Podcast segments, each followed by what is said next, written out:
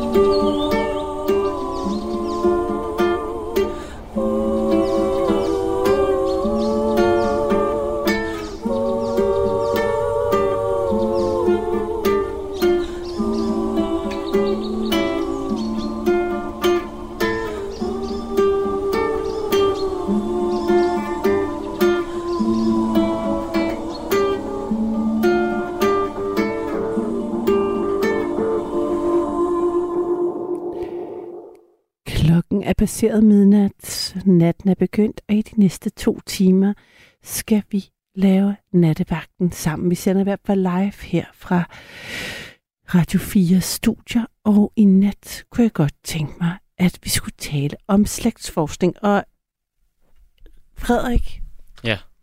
vi skal jo lave nattevagt sammen i nat. Du tager telefonen, jeg er ved mikrofonen. Ja. Og øhm, jeg havde, så, havde sådan en periode, da jeg var barn, mm, sådan lidt større barn, hvor jeg var enormt optaget af slægtsforskning. Jeg tror mest, fordi jeg gerne ville øh, finde en eller anden... Jeg havde et håb om, at der var... Jeg ved ikke, om det var øh, sådan et, øh, en pr- prins. Jeg havde sådan noget adeligt blod i mig, eller et eller andet. Der var et, et eller andet virkelig spændende i mit ophav, som jeg fandt, øh, skulle finde. Men øh, ikke desto mindre, så gik jeg op i at lave det her stamtræ, og jeg var sådan meget heldig, at både min øh, mormors bror Mm. og min farfar lavede slægtsforskning. Så jeg kunne ligesom øh, få noget information der. Har du, har, du nogen, har du også haft den periode? Altså, jeg, jeg ved ikke, om det var en periode, men jeg, jeg fik nogle bøger fra min oldemor, Ja. som havde lavet, altså du ved, sådan to kæmpe store ringbind. Wow. Øh, og så kan jeg huske, at så, wow, så så, at der var noget familie, der var flyttet til Australien, og så tænkte jeg, okay, det var rimelig fedt. Og så synes jeg, at det var meget, meget sejt, og så tror jeg, jeg gik mere op i det derefter. Ja. Ja. Det er sjovt, fordi jeg kom til at tænke på det, fordi min datter er begyndt at spørge, sådan er optaget at spørge ind til, om der ikke var en eller anden særlig fin type mm. Vores familie, og hvem, hvem der ligesom var bagudrettet. Og så øh, jeg skal finde de her, jeg har sådan en eller anden sted, har jeg sådan en kasse, hvor jeg, fordi jeg så tog hen til min farfar, han boede så i Frankrig, og han var enormt glad for, at der var en anden en, der interesserede sig for det. Mm. selvom jeg kun har været 10 eller sådan noget.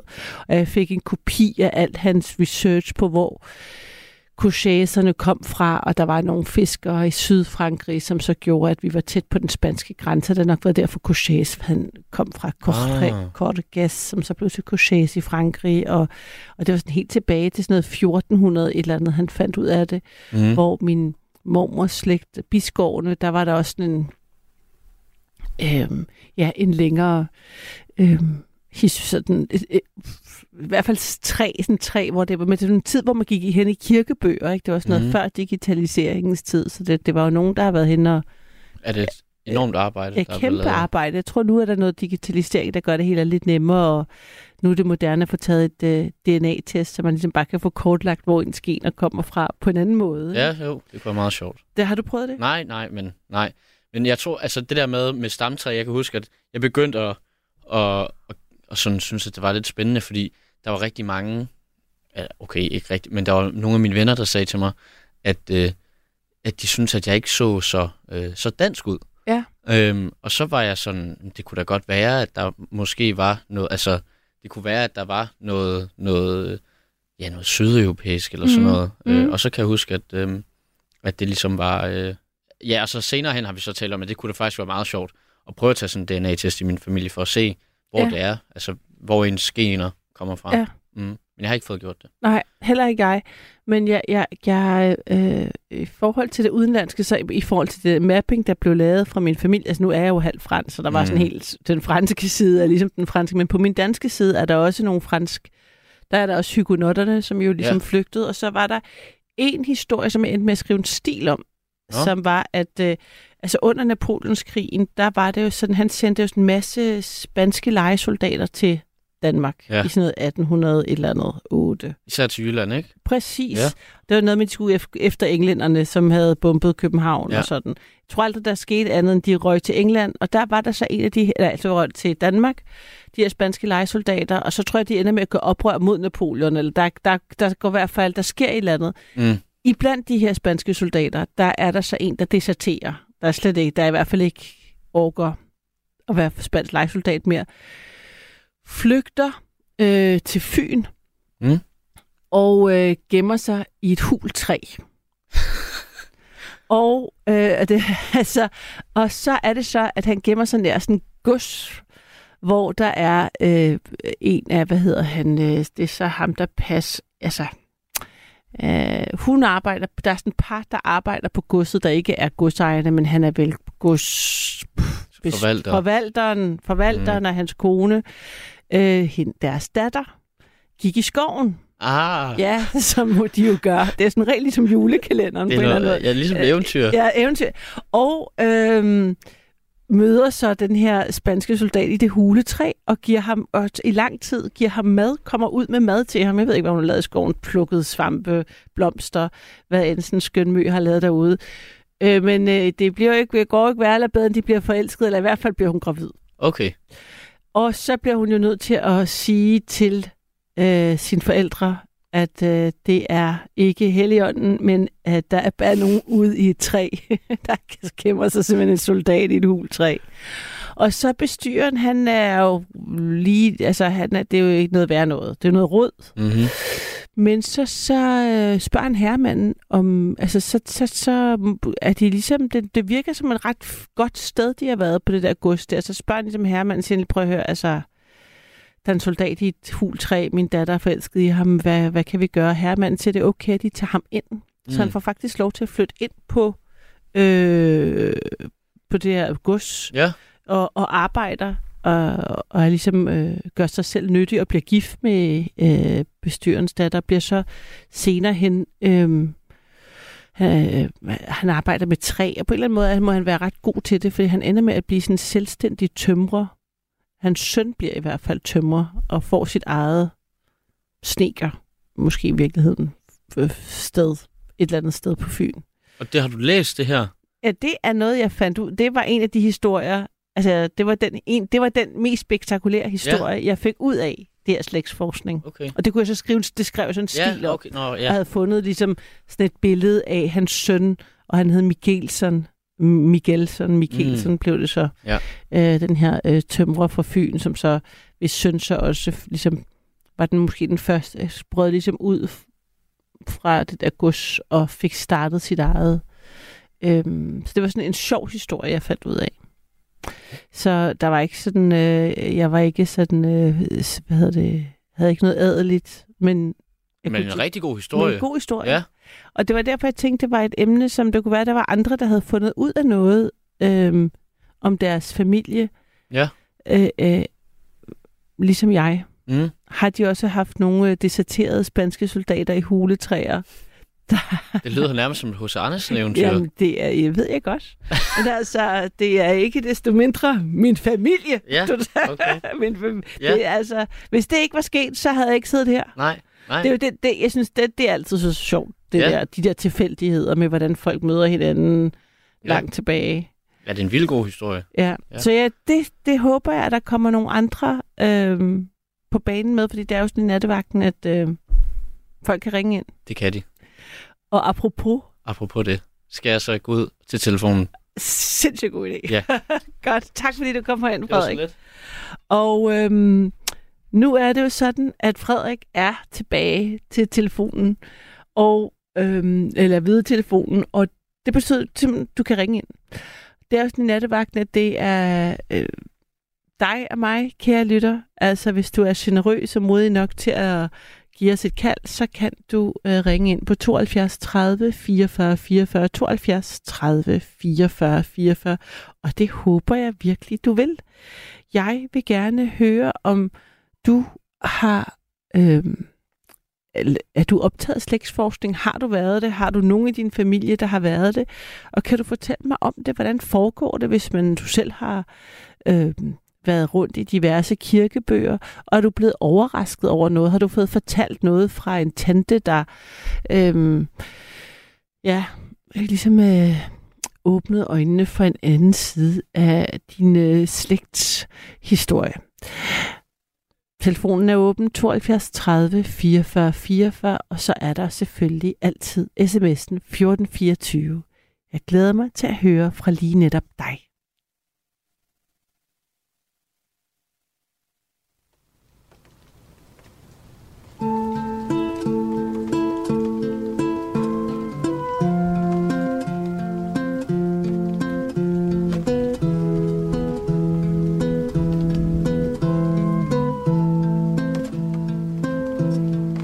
Waking up at sundown. Winter is over. Taking off my nightgown. Little boy. At some point it seems right. Time takes me further. Dark hole of the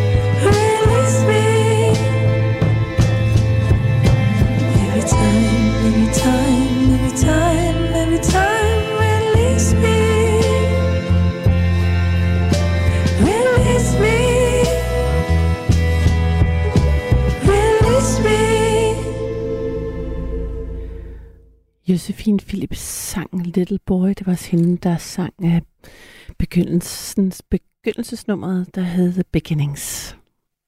Meget velvalgt, synes jeg selv. det er nattevagt. Mit navn er Karoline, og du kan give mig et kald på 72 30 44 44 72 30 44 44 eller selvfølgelig en sms på 1424. Men måske er det her emne lidt sværere at sms'e omkring, fordi jeg har spurgt ind til, om du har øh, nogensinde været interesseret i slægtsforskning, om du har dyrket det i en periode, eller om nogen i din familie har, og om du på sådan øh, nogen vis har opdaget noget i din øh, i din slægt, øh, enten ved at forske i det, eller ved at tale med nogle bedsteforældre, om du ved noget fra dit ophav, som kom bag på dig, eller som var en pussy historie, så fik jeg altså lyst til at, at høre, om du ikke havde lyst til at dele den med mig. 72 30 44 44, giv mig endelig et kald. Og øh, Peter, jeg har dig med, er det rigtigt? Ja, det er det, ja. Hej, velkommen Fordi til. jeg slægtsforskning, det er jeg simpelthen blevet opflasket med nærmest. Det er du blevet opflasket med lige frem. ja, Nå, fordi jeg havde en farmor, der gik meget op i det, og min oldefar havde skrevet en bog i 1908, som gik helt tilbage, altså førte slægten helt tilbage til 1577, hold da op. hvor det var en dansk præst over i Skåne, som dengang var dansk, som tog navn efter byen. Og så, jeg ved ikke, jeg, er ikke så meget for lige at sige navnet, Nej. faktisk, fordi det, Det er så godt. specielt, ikke? Ja. Så Nå, så på den måde, fordi dit efternavn er specielt, så kunne de ligesom finde, så, så er det en by i Skåne, som man så kunne... Øh, Ja, hvor han var præst, ikke? Og så det det, du snakkede om, kirkebøgerne. ja. At, så kunne man, at der er mange præster og læger i den slægt, Ah, jeg har. og øhm, så kunne man altså følge dem tilbage øh, på den måde igennem kirkebøgerne. og det er sjovt, har min oldefar så siddet og, og forsket i og Ja. gået på rigsarkiv og, og landsarkiv og alt det der, hvad man nu gør, og kirkebøgerne. Og det er sjovt, for fordi i min, i min danske slægt var der også mange øh, præster, faktisk. Øhm, Ja. øh, præster og læger. Ja. Øhm, og, og, for, og hvordan havde, så samlede han det så i, altså med fotokopier? Var det sådan den tid? Nej, nej, han har siddet og skrevet med pen og blik Nå, okay. en bog. Selvfølgelig, hvis det Ja. var din oldefar. Ja. Ja, det er, han, han var ført direktør for Københavns Sporveje og Elektricitetsværker, så jeg siger altid, min oldefar, han tændte lyset i København. Nå, fint.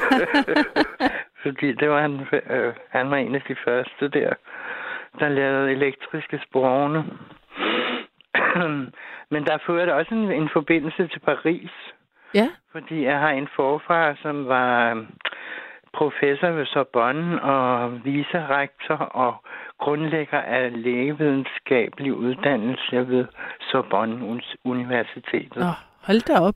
Ja. Som, som var fransk, og så på en eller anden måde... han var jo dansk og kom ned der, Ja. og så gik han over til katolicismen, og så blev al forbindelse med Danmark afbrudt, fordi at det var lige efter reformationen jo, at han levede i 1600-tallet. Men det er da en vild ting, altså i den gang, at man rejste til et andet land og øh, lærte et nyt sprog, altså tænker jeg, og Ja, som en lille Odense-dreng, og så Ja. ja. blive øh, professor på Sorbonne, det er ret flot. ja, ja.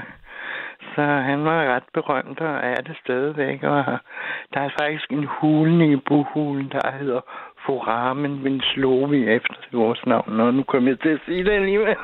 hvor, hvor, hvor flot. Ja. Så det vil sige, det er både en by i Skåne og en, en lægemesdel. Ja, altså jeg ved så ikke, hvad det, hvor meget betydning den hulning Jeg ved- har. Det skal jeg ikke Jeg ved ikke, det er vel ikke en lægemesdel, hvis det er en hulning, men det er i hvert fald Ja. et eller andet krops, øh, et organ Et eller eller et eller andet. krop, ja. ja. En hulning i buhulen, sagde du det? Ja, ja. Ej, hvor, hvor vildt at have, have det opkaldt efter sig, eller have Ja, og, på, og i Odense, der blev min nevø, han blev født på JB Vinsløvsvej, som også er opkaldt efter ham. Nu har jeg droppet det der med ikke at sige navnet. Det, det glemmer folk nok hurtigt, ikke? Ja, jo, jo, jo. Så, men øh, der, der, der ligger Odense sygehus ligger på, på en vej, der er opkaldt efter ham. Og der er et øh, Vimslo kollegium, og den, det menneskelige, hvad er det nu, det hedder? Det er det anatomiske institut i ved Odense Universitet, der er også opkaldt efter ham. Nå, så han var virkelig, altså han har været en læge, der har sat sine spor. Ja, hans, hans bøger blev brugt ind i det næste århundrede efter hans død. Og hans dødskriterier og sådan noget, det var meget berømt af han. Og hvad forskede fundet- han i? At Hvad? Hov, det er, ja, der er ekko på det, på når jeg taler. Er jeg på... Er det radioen, der kører, eller er det din Nej, jeg har telefon, der er slukket på? radioen, altså. Mm. Er jeg på medhør, når du taler? Nej. Det er, en, det er en, men det er en fastnetstelefon. Jeg ved ikke, om det er derfor. I, vi brokker jer altid over, at I ikke kan høre mig ordentligt og sådan noget. Ja. Nå, men øh, det er der jo ikke noget at gøre ved. Men man kan altså, sige, jeg hvis det, hvis det går igen, kan jeg så sige, så, så, det, så plejer den at være god nok. Nå, nå, men det er godt. Nå. Nej, men jeg skulle, jeg skulle lige fortælle, at han havde også en, en onkel, Ja. som hedder Nils Stensen, som i, i, jeg tror det var i 89, af, af pave Johannes Paul, den anden blev gjort til helgen. Så det er jo What? ikke Du så- har en helgen i familien. Ja, altså så han, de omtalte hinanden som onkel og nevø, og de skulle altså have været i familie med hinanden, og, og de skrev sammen. De var begge to anatomer, altså den ene ved Sorbonne, ikke? og den anden var i Firenze. Og øh, han blev også apostolsk vikar for Norden, det vil sige, at han blev den katolske kirkes øh, øverste for hele Norden. Så det var en, en meget interessant person. Så var han grundlægger af geologien som videnskab. Så det var også en, en meget spændende person jo. Så kan man ikke lade være at blive lidt interesseret i slægtsforskning. Nej, det er det, man nogle- håber netop på, at der kommer et andet øh, Ja, så var spændende. det det der med den spanske linje. Der har vi en, der er en spansk officer, der forfører en komtesse Knut til Knuttenborg. Nå, og de får børn, og det er altså min, øh, min mors kusines familie, altså, men det er jo lidt langt ud af ens mors kusine, ikke? Altså, men, men de var jo altså, hun var jo adelig, altså, og de, hun blev forvist til godsets fjerneste område, hvor de ikke kunne se hende, men dog ikke uden for Ja, hvorfor? Fordi hun giftede sig med den her spanske officer? Ja, men han fors- nej, hun giftede sig desværre ikke med ham. Han forsvandt bare igen. Nå, for søren. Han var også sådan en fra den der her, der, der ja, tror du det var også ved Napoleon? Her, du snakkede om. Ja. Ja. nemlig. Det var jo ret synes Nå, så der var sådan en soldat der, eller måske lidt, øh, i, i hvert fald i, slægt, i, altså, i, i, i, i, i slægten har de sagt, at han var lidt, havde en finere rang end en menig soldat. Ja, han boede ikke i et fuldt træ dog. Nej, nej. Øh, og, og, men og hun var jo altså så komtesse Knud. Den familie eksisterer jo stadigvæk. Du kender Markus Knud. Så det er vi meget stolte af. Vi har en lille forbindelse til den slægt også. Og min, far, og min oldemor, hun var født Krarup, så hende, den familie er vi også i familie med. Og de der med den spanske officer, der blev den datteren, som, som altid kom og hjalp os med at, at læse op til eksamen og sådan noget, fordi Mm. hun var så kvik, så vi tan- kaldte hende Tante Kvik. Hun blev gift med Thomas Bohr. så, så man er næsten i familie med alle de fineste familier i Danmark, men altså, hvad hjælper det? Kan man så sige, ikke? Det kan man ikke rigtig bruge til noget. Det er bare meget morsomt sådan at fortælle om måske, eller... Jeg ved ikke rigtigt. Men nu, nu havde du det emne, så tænkte jeg, så ville jeg fortælle lidt om en, en spændende familie. Ja, det må jeg da nok sige. Altså, og hvordan, hvordan har du de her øhm, informationer nu, eller hvordan er det sådan, alt det her forskning, er det noget, du har? Ja, altså jeg har den der slægtsbog, og så har jeg været militærnægter på Bymuseet, altså det, der hedder Københavns Museum nu. Og der fik jeg lavet øh, nogle kopier, som min øh, onkel og min faster fik også en kopi af min bror, og så har jeg en selv. Og så har jeg givet selve bogen videre til 13. generation af slægten, som nu er præst.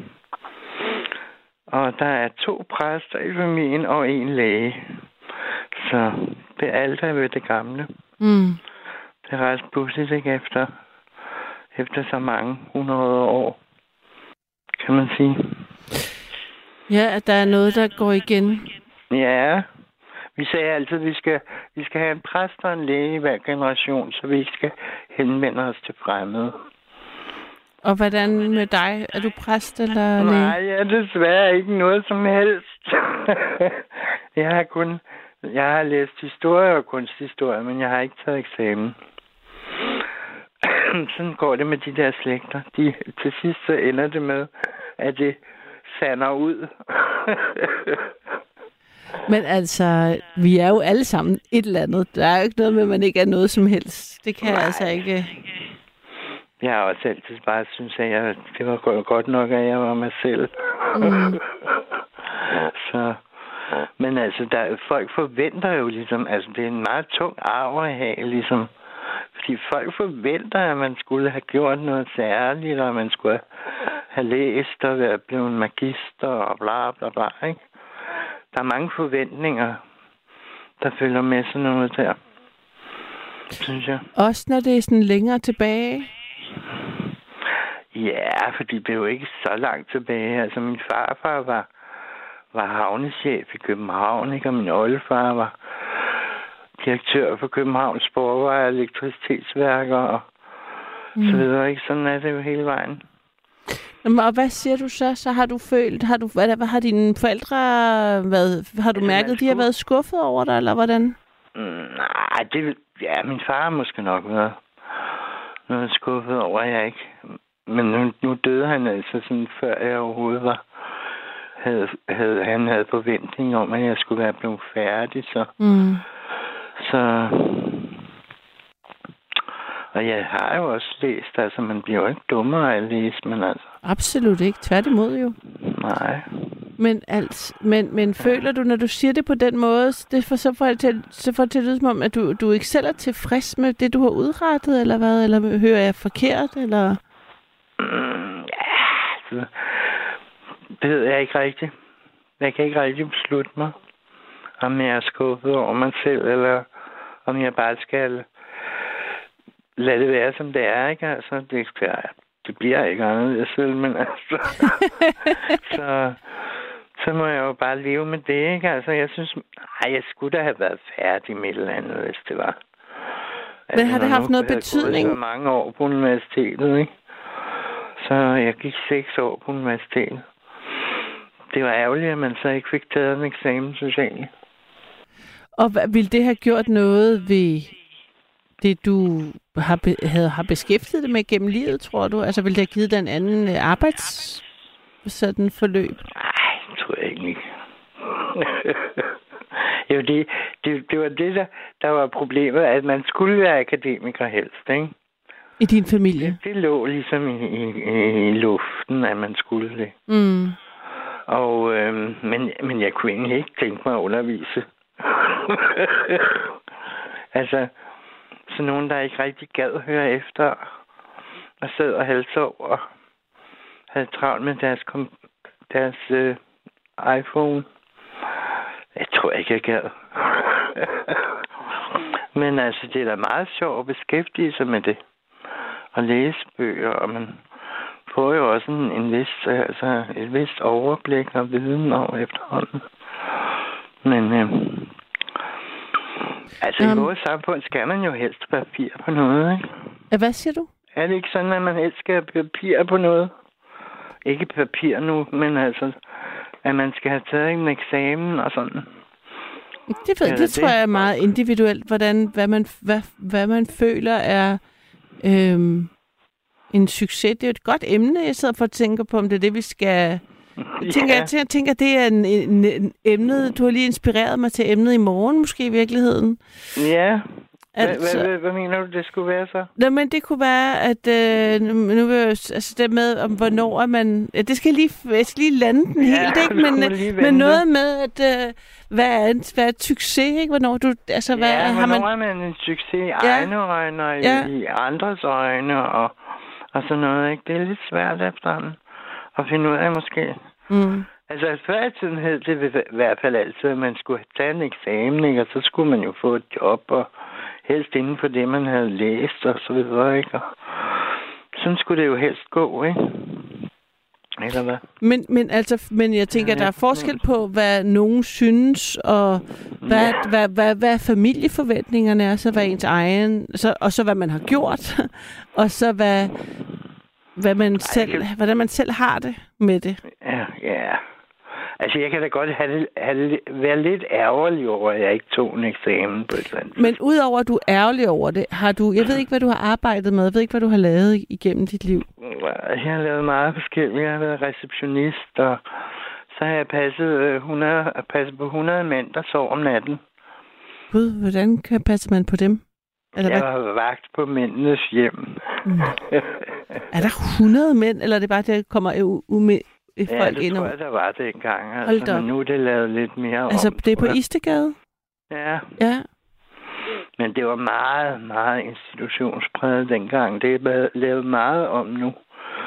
Der er både øh, blevet lysere farver og, og anden indretning, og, og der kommer både læger og sygeplejersker og socialrådgiver mm. derned og snakker med folk og sådan noget. Det, det blev mere et sted, hvor, hvor man prøver at få folk videre til noget andet, i stedet for bare at, over, at lade dem overnatte, ikke? Tror jeg. Mm. Men det er skægt. Jeg havde ikke tænkt på, at, det, at du, når du fortæller om, altså i forhold til slægtsforskning nu, som jo egentlig er sådan udgangspunktet for skulle lige samtale, ikke? det, ja. så, så er det jo, jeg tænker, det kan være, at folk kan finde, altså man finder alle mulige historier. Altså det behøver ikke at være øh, den fine, den fornemme øh, læge, der har øh, øh, inspireret til navnet i et, øh, et hulrum i, i kroppen. Altså man kan Nej. også have, det kan også være tragedier, tænker man kan finde ud af, ikke? Altså noget, der Ja, det kunne det også være. der ja. kunne også være sådan det, det tragiske og det, altså alt muligt, altså øh, at man kom, det kom bag på en, at Ja, jeg tror, den der slægtsbog, som min Olga har skrevet, det er sådan mere for at, at fortælle om, om de, til dem, der gjorde det godt, ikke? jo, jo, og hvad de i det hele taget lavede, de forskellige. ja, Sådan far til søn tilbage, ikke? jo, Og så lidt til siderne også, når det var. For ham der i Paris, han øh, fik en datter, ja, og hun øh, blev gift, og så, men så tog altså hendes dat, hans, han- altså tog dattersønnen, hun, han tog så navnet efter sin mor, ikke? Altså, så, så det alligevel kom videre i Frankrig, og det er ret vanskeligt at hedde Vindslev i Frankrig. For de har ikke ø så meget, og vel, så... Men altså, han tog alligevel navnet og blev, også læge, tror jeg nok. Så der eksisterer altså også en eller anden fransk gren, men den har vi ikke sådan helt styr på. nej. Men jeg, jeg synes, det var tankevækkende, når du sagde, at det, øh, at det havde givet dig en eller anden slags pres. Altså at egentlig, at vi altså, at have de der sådan store navne i, i familien, det havde, det havde jeg Ja, ikke tænkt kan du på. ikke tænke dig til det, når man Jo. hører om alle de, dem, der er gået forud for en, at de har gjort noget for næste generation og, og alt sådan noget, at så føler man også, at man selv skal helst leve lidt op til det. Det er da ikke så underligt, synes jeg. Nej, jeg havde bare ikke tænkt på det. Nej. Men Jeg har, jeg har heller ikke så, så, så sådan, den der øh, buhule. Nej, nej, der er også kongelige skuespillere på øh, et par stykker, og der er en, han ligger begravet herovre på Assistens Kirkegård. Jeg går tit forbi, altså. Nogle gange lægger jeg en lille blomst. Den har hans øh, kollegaer har rejst en sten for ham, og den blev væltet af nogle mm. Vandaler.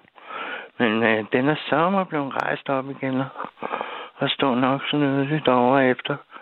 Jeg tror, det er 325 år siden, han blev Mm. begravet. det er jo meget, ikke? Jo. At, at man kan finde sådan en. Går Stenen, forbi der går for så langt tilbage, Ja, jo. Og man kender ham. Jeg har set hans billede og sådan noget. Har hørt hans historie. Han havde en meget speciel historie, fordi at øh, der var en meget despotisk teaterchef på det tidspunkt på det kongelige teater. Ja. Og han ville aldrig give ham de roller, der, som han passede til, og som han selv synes han passede til. Men så fik han endelig en rolle, spillede den en aften, blev syg og døde. Nej. Jo, er det ikke sørgeligt? Jo. Ej, altså, hvor ironisk, altså sådan tragisk komisk på en eller anden Ja, måde. ikke? lidt, Men lidt godt, at han nåede at spille bare én gang. Ja, inden han døde. han Ludvig den 11. af Frankrig, der, der, stiger, øh, der går i graven eller sådan noget. Og så gik han selv i graven. Hvor, det var ret Aparte? Hvor, hvad, hvad døde han af? Det kan jeg ikke huske. Nej. Det, det er Var han ung eller gammel? mig Altså, var det sådan hjertestop? Ja, han har ikke været ung. Nej, okay. han, han fik jo aldrig de roller, han ville have, og så fik han endelig den rolle der. Ikke? Så der er noget tid gået med det. At spille dårlige roller. Eller Hvad- ikke spille. Ja, Jeg men ved ikke, altså... hvordan det var på, på det kongelige teater, tænker. Nej, men hvis man har fået en sten på assistenten, så tænker jeg, at der er et eller andet har han vel spillet, der har... Jamen, det Spillet. var hans kollegaer, der samlede ind og, rejste den for ham. Det var ikke det kongelige teater eller den danske stat eller skuespilforbundet eller noget. Det var sgu hans kollegaer, der samlede sammen til den. Det er sådan ret pudsigt, ikke, synes Jo, jeg? jo. altså, den, er, den er markeret ligesom de der berømte grave, Mm. mm. som H.C. Ørsted og sådan noget. Men der står ikke noget om ham. Så det har de ikke kunne finde ud af, mm. Mm. Jeg har altså tit tænkt på, at jeg skulle måske fortælle dem, øh, hvem han var. Mm. Nå, Ja. det må jeg nok sige. Jeg synes, at jeg, din hoste lyder ikke helt optimal, Peter. Jeg ved ikke, om du ryger for meget, men eller det hvad? er bare rygerhus. Nej, nej, nej, nej. Det er jo det, tager jeg mig af. Hvorfor? Bare fordi jeg kan, jeg kan høre det. Nej. det er mig, der skal hoste den op, eller nær sagt. Oh. Ja.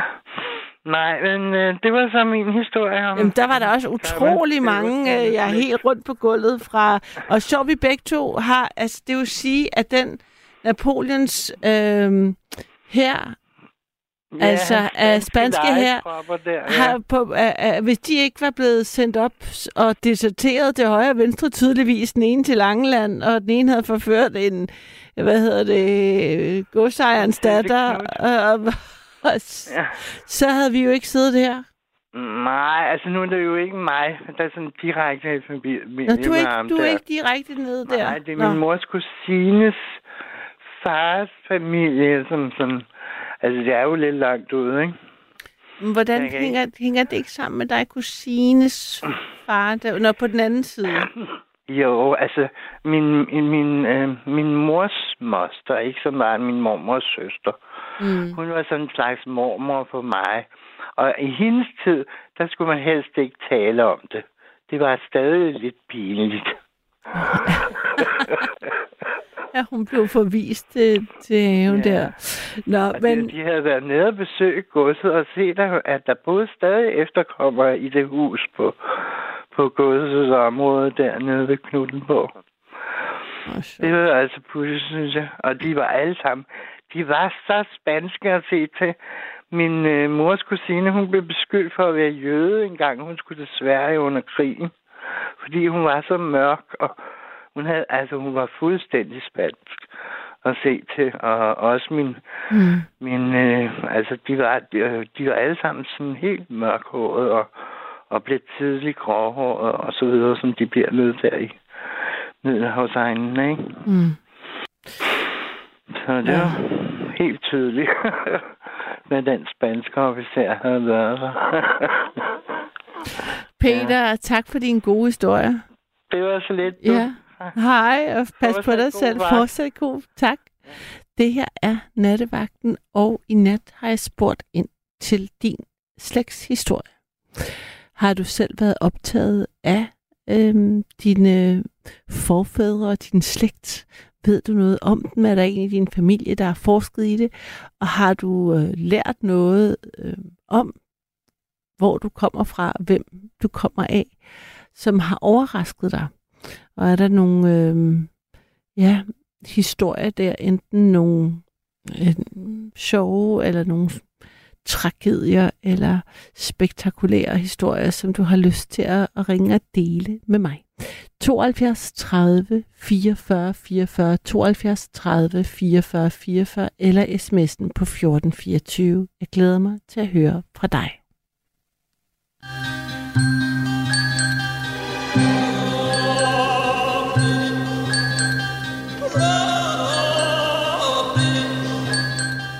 Never know how much I love you. Never know how much I care. When you put your arms around me, I get a fever that's so hard to bear. You give me fever. When you kiss me, fever when you hold me tight. Fever in the morning, fever all through the night. Sunlight's of the daytime, moonlight's of the night. I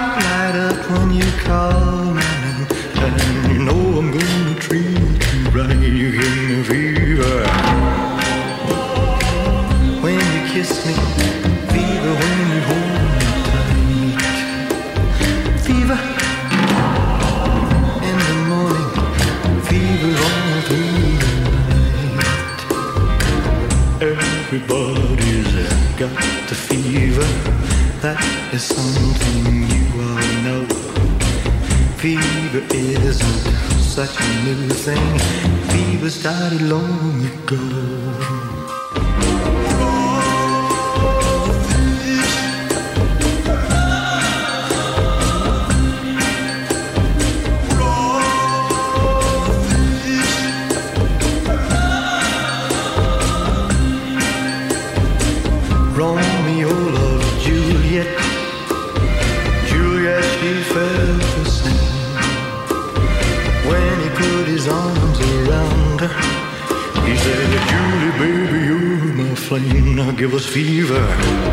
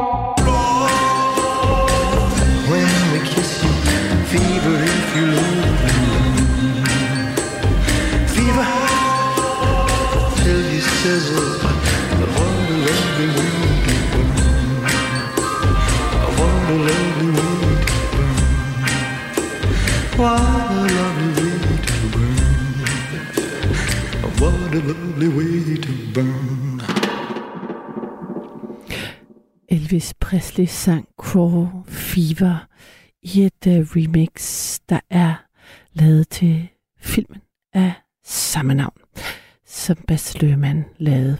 Så et nummer fra soundtracket derfra. I nat, der er udgangspunktet for samtale slægtsforskning. Og eventuelle overraskelser, du har fået dig ved at gå tilbage i tiden og høre historier om, hvor du kommer fra. Jeg får lyst til at læse et par sms'er. Man kan jo altid sende en sms på 1424, men allerhelst selvfølgelig ringe ind på 72 30 44 44. Der er lige en sms til Peter, den synes jeg, at han skal have. Med på vejen, kære Peter, du kan være så stolt af dig selv og din familie. Du har da selv læst i mange år, og du skal vide, de gange du har ringet ind, så har du altid været særdeles interessant at lytte på, og det siger Pia. Det synes jeg var sødt sagt, Pia. Så altid godt lige, når der er øh, ros og sms'er til de andre lyttere fra jer derude. Så tak for den. Så er der en anden en, der skriver her. Min oldefar var overlokumsassistent passer på Københavns hovedbanegård. Fint skal det være. Venlig hilsen Flemming Boehm. Og jeg kan ikke finde ud af, om det er en, øh, en sjov kommentar til noget andet, end det øh, Peter fortalte om, eller om det er rigtigt. I så fald, så tænker jeg, hold op, han må have virkelig mange gode historier over lokumsassistent passeren fra Københavns hovedbanegård. Øhm, så allerede der bliver man jo nysgerrig på, hvad, hvad så det menneske har oplevet, og hvordan han er endt der. Så på den måde tænker jeg ikke, at der er øhm, noget, øh, altså der er ikke noget, der er bedre end noget andet at fortælle om. Der er nemlig en anden en, der skriver her, alle der ringer ind vil sige adel eller højt på strå. Ingen nævner, at de afkommer af Adolf Hitler eller Trump. Men altså, det kunne godt være. Jeg må sige, jeg opdagede, at øh, jeg kendte engang en, som fortalte, at han havde, øh, du ved godt, noget en bedstefar, der var en morfar faktisk, der var, øh, havde ligesom meldt sig ind i SS Varften, frivilligt sønderjysk mand, der arbejdede på Danfoss. Og altså, det var, synes jeg, var, der, der, der var nogle vilde familiehistorier der, med hvad det medførte for hans mor, og det ene med det andet. Så jeg tænker, at det kunne det godt være, at der var nogen, der øhm, også havde mod på at ringe ind og fortælle om noget, der ikke var så fedt. Altså, og ja, det ville jo være mærkeligt, hvis vi alle sammen, øh, altså vi må alle sammen have både skurke og helte i vores familie. Så det er jo dem, vi er rundet af, så de, de kan alle sammen få en stemme. I hvert fald har du mulighed for at ringe ind på 72 30 44 44. Jeg har uh, Henning på linjen. Er det rigtigt? Ja, det er korrekt. Hej Henning. Hej. Jamen, jeg kan da godt stikke med, med jeg er i familie med Sønder Øse, præstemorderen, Se. som var den sidste, der blev henrettet på samme måde som Struense. Nå, Knæbet med glående tænger, højre hånd hugget af, og så hovedet hugget af. Hvad? Okay, okay, okay. Du, skal, du bliver nødt til at starte fra starten. Det var godt, vi lige fik sådan slutbilledet med det samme. Lige lidt splat ind i radioen. Det er længst. Det tror jeg ikke, jeg har. Jeg har det har jeg ikke haft før. Skide godt. Må jeg høre, Henning? Altså... Jamen, det var min, min mors uh, gran, gran, gran uh, fætter. din mors græn, græn, grænfætter. Og hvem Ja. var han? Altså, du, du sagde han det, som om jeg burde vide det. Men det gør Nej, jeg jamen, ikke, det, desværre. ja, det, altså sådan nogle i min alder, jeg er 74. Vi, vi ved sådan noget. I ved, hvem Sønder Øksemorderen er? Ja. og øh, bynavnet eksisterer slet ikke mere. Det hedder Østerby nogle dage. Østerby? Ja. Og det ligger i Jørgen Bjerge. Det har du sikkert heller ikke hørt om. Nej, jeg er kender kun Himmelbjerget. Omkring Jørgen fra istiden. og der stod skapottet, hvor han blev halshugget på et af de bjerge. Men hvad havde han gjort? Jeg vil gerne høre om Han ham. havde forgivet sin tredje kone med rottegift. Nå, jamen det var da, det er da glad for, at det blev straffet, fordi jeg, jeg, jeg troede, at man ikke fik lov til at slå sine koner ihjel uden jo, det kommer nogen... an på, hvor man har købt rottegift, jo, hvis de sladrer. Ja, det er klart, men altså, jeg vidste ikke, at øh, det, det var... Jeg tænkte, at mænd fik lov til at slippe afsted med hvad som helst indtil... Ja. Men ja. ikke ham, Nej, og- nu, nu var vi jo nået til 1822. så Jo, det er alligevel... Nej. Og han var... Altså, det, han var præst, eller hvad? Ja, ja, han var præst i Sønder Økse. Og så havde han haft, altså, tre koner. Ja, det var, den, det var nummer fire, han tog livet af med Hvor- rottegift. Hold da op. Og hvad, hvad, hvad, med de tre første? Hvad havde han gjort af dem? Det, har- det har jeg så ikke fulgt op på. Altså, blev han skilt fra dem, eller døde det var de meget, det var meget tilfældigt? almindeligt, at, at, at kvinder før i tiden døde i barsel. Det er det. Jo. Og blev bare, bare blev skiftet ud med en ny model. Det kan jeg jo se, når jeg, jeg dyrker slægtsforskning, siden min mor døde i 02. Og der kan jeg jo se, at det går gentager sig gang på gang, at, at øh, mænd de har øh, op til fem, fem koner. Og så er det fordi, de er døde i barselseng efterhånden. Og hvordan, altså, så du dyrker slægtsforskning. Hvordan, øh, Jo, men det kom jeg jo ind på, fordi øh, jeg blev nysgerrig, da min gamle mor gik hen og døde, så blev jeg nysgerrig om alle de historier, hun havde fortalt om sin ungdom. Og så øh, dengang, der havde jeg bil og var, og var rørlig, så der kørte jeg rundt i Jylland, hvor hun var fra. Og, og, fandt, og gik ind på arkiverne, på lo- lokalarkiverne rundt omkring i, i Jylland, hold da op. hvor hun havde boet. Ja. Og der fandt jeg mange spændende ting. Jeg gik ind i Ægtved lokalarkiv, og det første, jeg får øje på på væggen, det er et øh, sovnekort med et stort billede, hvor min... Øh, min nu så havde jeg jo navnet på min oldefar, han hed øh, Søren Hågaard, og han står øverst i midten på billedet. Han var skolelærer i Ægtved. Nej, hvor skægt. ja, der, der blev jeg ret benovet. Det var det første, jeg fik øje på. jeg vidste godt, hun var, hun, hendes mor var fra Ægtved. Så, så hvor gammel var du, da din mor døde? Der var jeg... Bum, bum, bum. Der var jeg 52. Og I var tætte? Ja, det må man sige. Ja. Så det var også, så det var, en, var det også ligesom en måde at holde fast i hende på, eller sådan? Ja, det var det da. Ja. Det er sådan en slags erstatning. Ja, Det kan man godt det sige. kan jeg godt forstå. Og det er blevet til min hobby nu, hvor jeg ikke er så, så mobil alligevel på grund af noget hjertesygdom. Mm. Og så, så, men så, fortæl, så vil sige, at du var 52, så begynder du at, at, at, at ligesom undersøge ja. om, omkring din mors slægt. Og hvad med din far? Ja. Har, har du noget forhold til ham? Eller? Det er rigtig, ja, men det er rigtig svært, fordi han hed bare Ingemann Hansen, og hele hans familie, de hed Hansen. Og så var der jo det der, øh, i gamle, gamle dage, der hed, når øh, faren hed Peter Jensen, så skulle sønnen hed mandens, øh, farens øh, fornavn som efternavn, og det fortsatte bare gang på gang på gang. Så lynhurtigt, så kommer du ud af en helt forkert, øh, øh, hvad skal man, hvad kalder det?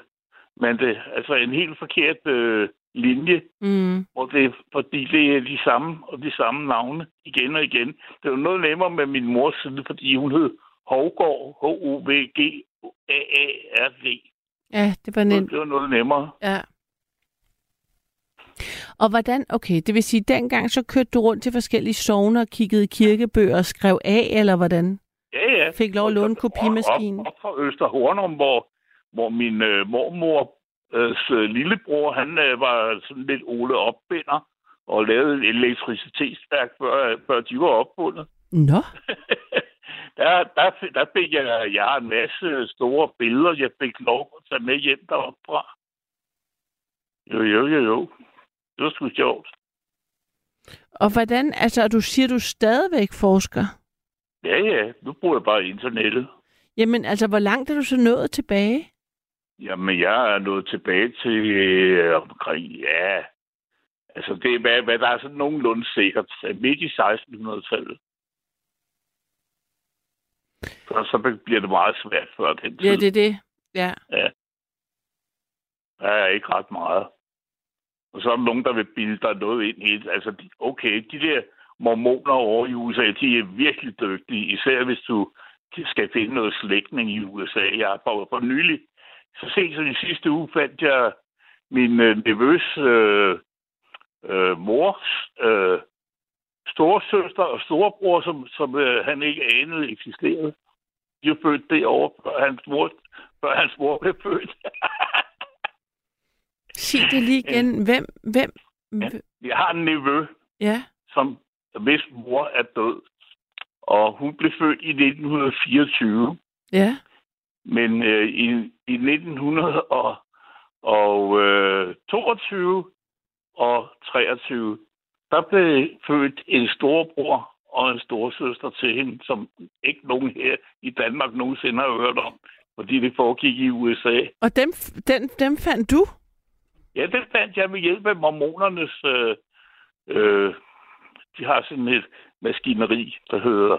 Og det ved jeg ikke, om jeg må sige navnet. Det er ikke sikkert. My, my Heritage. Nå, ja, det vidste ikke, det var mormonerne, der havde det. Ja, og de er super dygtige til det, skal jeg bare sige dig. Det er det virkelig. Hvis du har den mindste chance for at have noget øh, slægt i USA, så, så finder de det. Og hvad, hvad, hvad er det for noget med det der mormon? Hvorfor er det, er det mormon drevet? Eller det hvor ved jeg man ikke. Det står, det står Lake City, dem har jeg, øh, dem har jeg skrevet med nogle gange på internettet. Det er der, de har et center for, for det der øh, slægtsforskning. Men, men siger de selv, de er mormondrevet, eller hvad? Jamen, Eller- det, det, det kan du slå op. Det, Nå, det, okay. står højt og, det står højt og tydeligt. Det, øh, hvad de kalder sig noget med de sidste dages hellige. Nå, Det er mormoner. Ja, jamen det Jeg har det også da. snakket med, med dem, jeg møder på gaden nede på Nordre Fasanvej, at de skulle meget hyggelige at snakke med. De har jo godt set for mig og min alder, og mig, mig kan de ikke omvende til noget. Nej, nej. Men det er rigtigt, der er det der med, at, øh, at, at man kan finde... Ja, Ja, altså ja, det er jo ja, smart men det- med nettet, der, der på den måde. Hvis du skal høre noget tragisk, så er det det, at jeg, min mor, hun har tit underholdt, det vil jeg ikke sige med, at hendes øh, storebror havde taget livet af sig selv på hendes... Øh, det sagde hun ikke, men det fandt jeg ud af, da hun var død, at han har taget gas. Dengang var det jo sådan noget, noget gas, man virkelig kunne dø af. Det har det ikke været i mange år i Danmark nu. Så hvorfor noget gas? Altså, hvad mener at din mor underholdt det med? Nej, altså min mor fortalte, at hendes storebror havde taget livet af sig selv. Han havde begået selvmord. Ja, Og det fandt jeg så ud af, at det var sgu rigtigt nok. Og det, så for at det ikke skal være løgn, så stod det i kirkebogen for St. Pauls i Aarhus. Der, der er en eller anden skrevet nede i hjørnet i kirkebogen på den side. Gas, G-A-S, stod der med små bogstaver. wow. Og så fandt jeg, for at det ikke skal være løgn, så fandt jeg noget på en, på en forbudt måde, som jeg ikke skal genfortælle.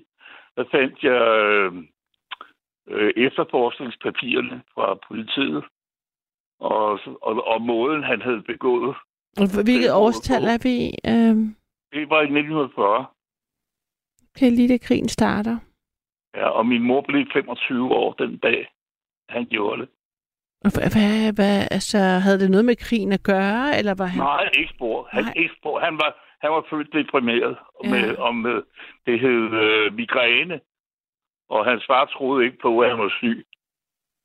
Og så kørte det derudad. Hold da op, det lyder dramatisk. Altså, var det inde i, men det, var det ligesom ovnen der? Det ved jeg også var noget. Man havde jo gas Nej, nej, han, øh, han havde lavet et system med, med gasslangen, som han havde monteret fast med, med, med... Han havde bundet slangen fast op i næsebordet Nej, og bundet sig, bundet sig for mund og næse for resten. Han vil være helt sikker.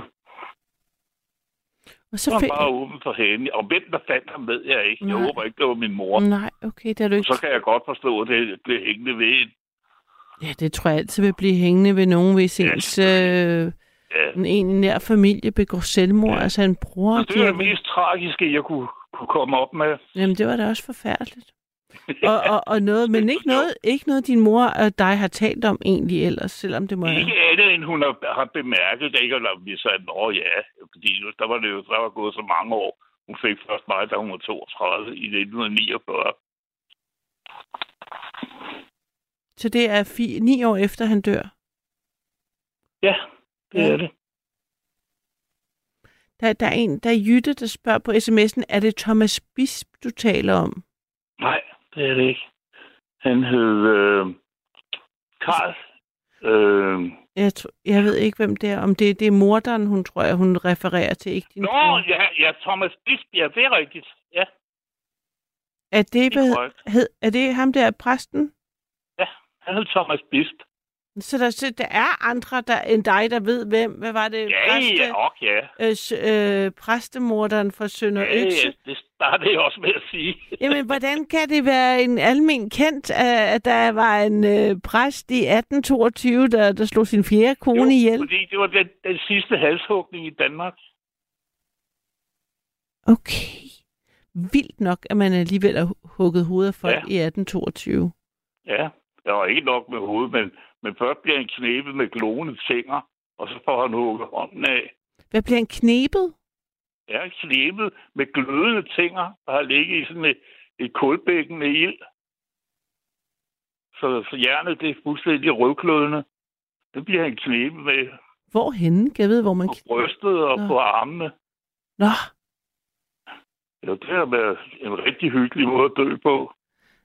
Er ret udspekuleret, og så hugger man ja. lige en hånd af, Ja, og så bagefter Ligesom på- hovedet. ligesom på Struense. Og det var også det, man gjorde der. Også med, havde man også den der tang, og så først kul, og så... Det, det ved jeg ikke. Jeg, den med tangen tror jeg ikke, jeg har hørt om på Struense. Jeg tror kun, de huggede, øh, huggede øh, hånden af, og så hovedet. Men hvis du ikke kender den historie, så skal du læse om den, fordi øh, den, den måde, det foregik på med hans, øh, hans gode ven, øh, som, som også havde været med til at til de der numre, de havde lavet. Hvad for noget med hans gode ven? Jamen, det, ja, det var Brandt, Grev Brandt. Struenses ven, Grev Brandt. Ja. Da han fik hugget hånden af, så kunne han ikke beherske sig. Så fik han sådan nogle, nogle, nogle kramper.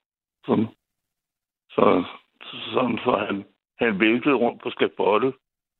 Jo, det har været rigtig hyggeligt at se på. Barbarisk, altså. Ja, så de havde Ja. svært ved at hugge hovedet af ham, fordi at... Øh, Man kan han... slet ikke forestille sig det, men det er jo lidt ligesom, at vi kan heller ikke forestille sig, hvordan det er at leve under, under krig i, i Ukraine, vel? Nej. Det er, det er rigtig svært at sætte sig ind i. Ja, hvordan øh, folk er...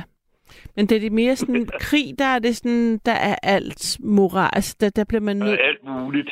Der er alt muligt, ikke? Men det er sådan, det, er det der organiseret øhm, tortur og sådan Afstraffelse. Det føles altid så meget mere voldsomt, fordi nogen har ligesom Ja, tænkt over det, dømt nogen for... Altså sådan det der med, der er et system, ja. og nu ringer vi til bødlen. Det er ikke det der...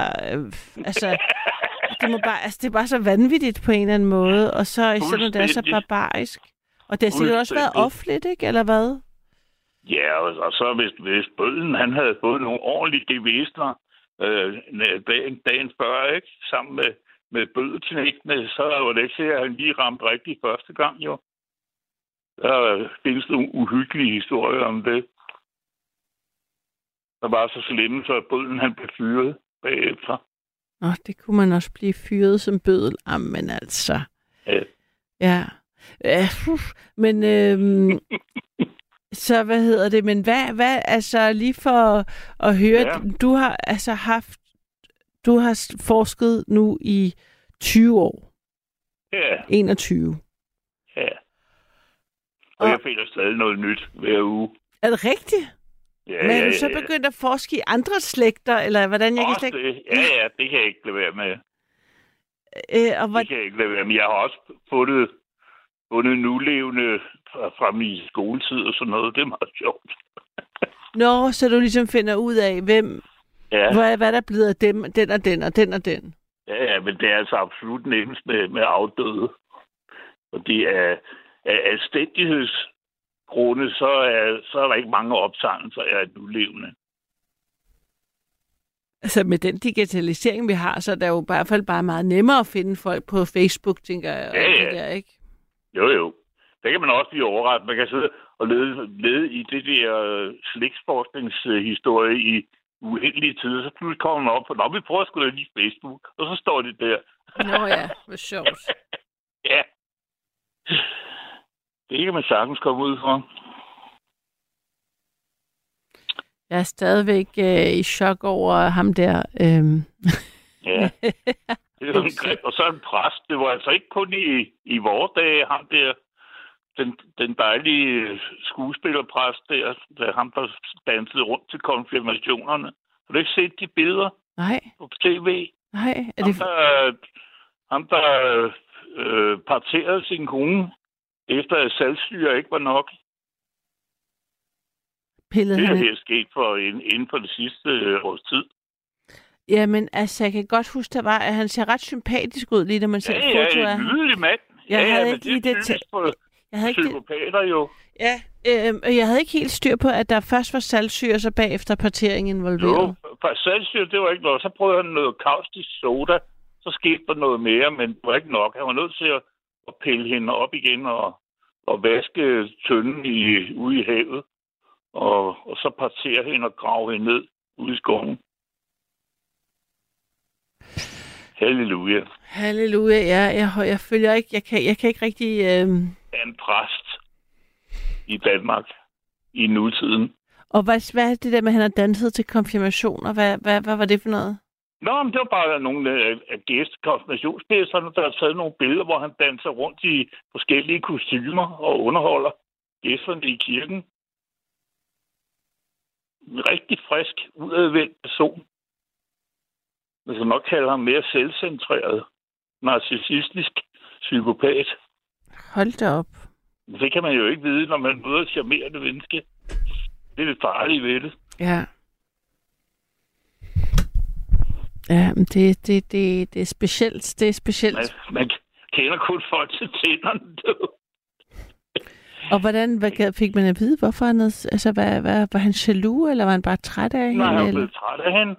Nå ja. Og så har han brugt øh, uendelige tider, ja, 3-4 måneder, han brugt af forberedelse til at undersøge, hvordan man, man skulle gøre det bedst til at forberede det. Og så tager han en stor, stor sten ude i haven. Så jeg skulle lige vise hende noget ude i haven, så går jeg ud i haven, og tager han en stor sten og snaller i baghovedet på hende. Og så kvæler han hende, når hun er bevidstløs. Han turde ikke se hende i øjnene, så han havde slået hende. Nej, kujon. Så menneskelig var han dog. Ja, jeg ved ikke. Nå, men altså, der er vi, vi, der, vi er der kørt ud af en tangent, øh, Henning. Ja. Vi må høre stoppe her. Der er flere, der vil til.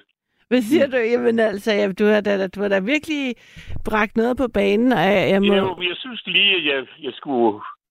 ja, Ja, jeg havde lidt at komme med ja, det må, jamen, det må jeg da nok have lov at sige. Altså, øh, og, og, og det vil sige, at nu, hvis man er slægtsforsker i dag, så foregår det simpelthen mest på nettet. Altså det, man ja, gør. det gør det.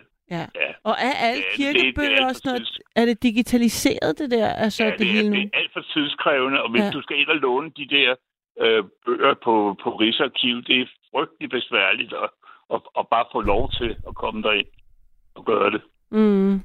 Men sådan var det ikke for 10, 15 år siden. Der var jeg tit inde i Rigsarkivet og sad der og, og, og granskede store bøger. Og i Aarhus og Aalborg lige så. Ja, det må have været et kæmpe arbejde. Ja, ja, men så gik tiden jo godt med det. Ja, det kan jeg godt se, men jeg kan godt, det er en sjov måde at få at rejse på, på en måde.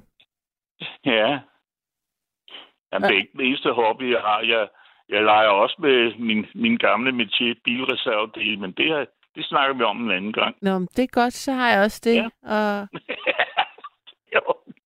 og, men Henning, sikke nogle øh, drabelige historier. Og, og, og jeg er vild med, at du fortæller det med sådan muntert humør. Det gør det på en eller anden måde her. Det er jeg sgu nødt til. Jeg skal til, til røntgenundersøgelse i morgen, fordi Ja. jeg ikke kan trække vejret. Fortæl. Så det er man nødt til. Ja, men altså, hvor stærkt gået. Held og lykke med det. Hvad mener du, med, at du ikke kan skal trække vejret? Det er i orden, vi snakkes den Nå, anden dag. nå, okay. Ja, for ring lige og fortæl, hvordan det går. Jeg er også på vagt i morgen. Det skal jeg gøre, du. Det er i orden. Held og lykke. Tak for det. Hej. Tak. Hej med. Det her er Nattevagten. Og mit navn, det er Karoline. Og du, kære lytter, du kan ringe ind. Nummeret er jo 72 30 44 44, 72 30 44 44. Og øh, vi har været vidt omkring. Og jeg tænker, at vi kan komme endnu længere ud rundt, hvad en øh, retning vi nu skal kalde det. I hvert fald, så er emnet slægtsforskning. Og måske har du, kære lytter, forsket selv, men ligesom Henning, måske har du en onkel eller en tante, der har gjort det for dig, så du bare er blevet lidt klogere, og det er netop de anekdoter og øhm, ja, den viden, du har fået om din familie, som jeg er interesseret i, om du vil dele. Om den er drabelig, eller overraskende, eller bare helt øh, stille og rolig, så tænker jeg, at der er altid en historie i, al, i alle menneskers liv. Så hvordan står det til med din familie? Giv mig et kald. Jeg glæder mig til at høre øh, fra dig. 72 30 44 44.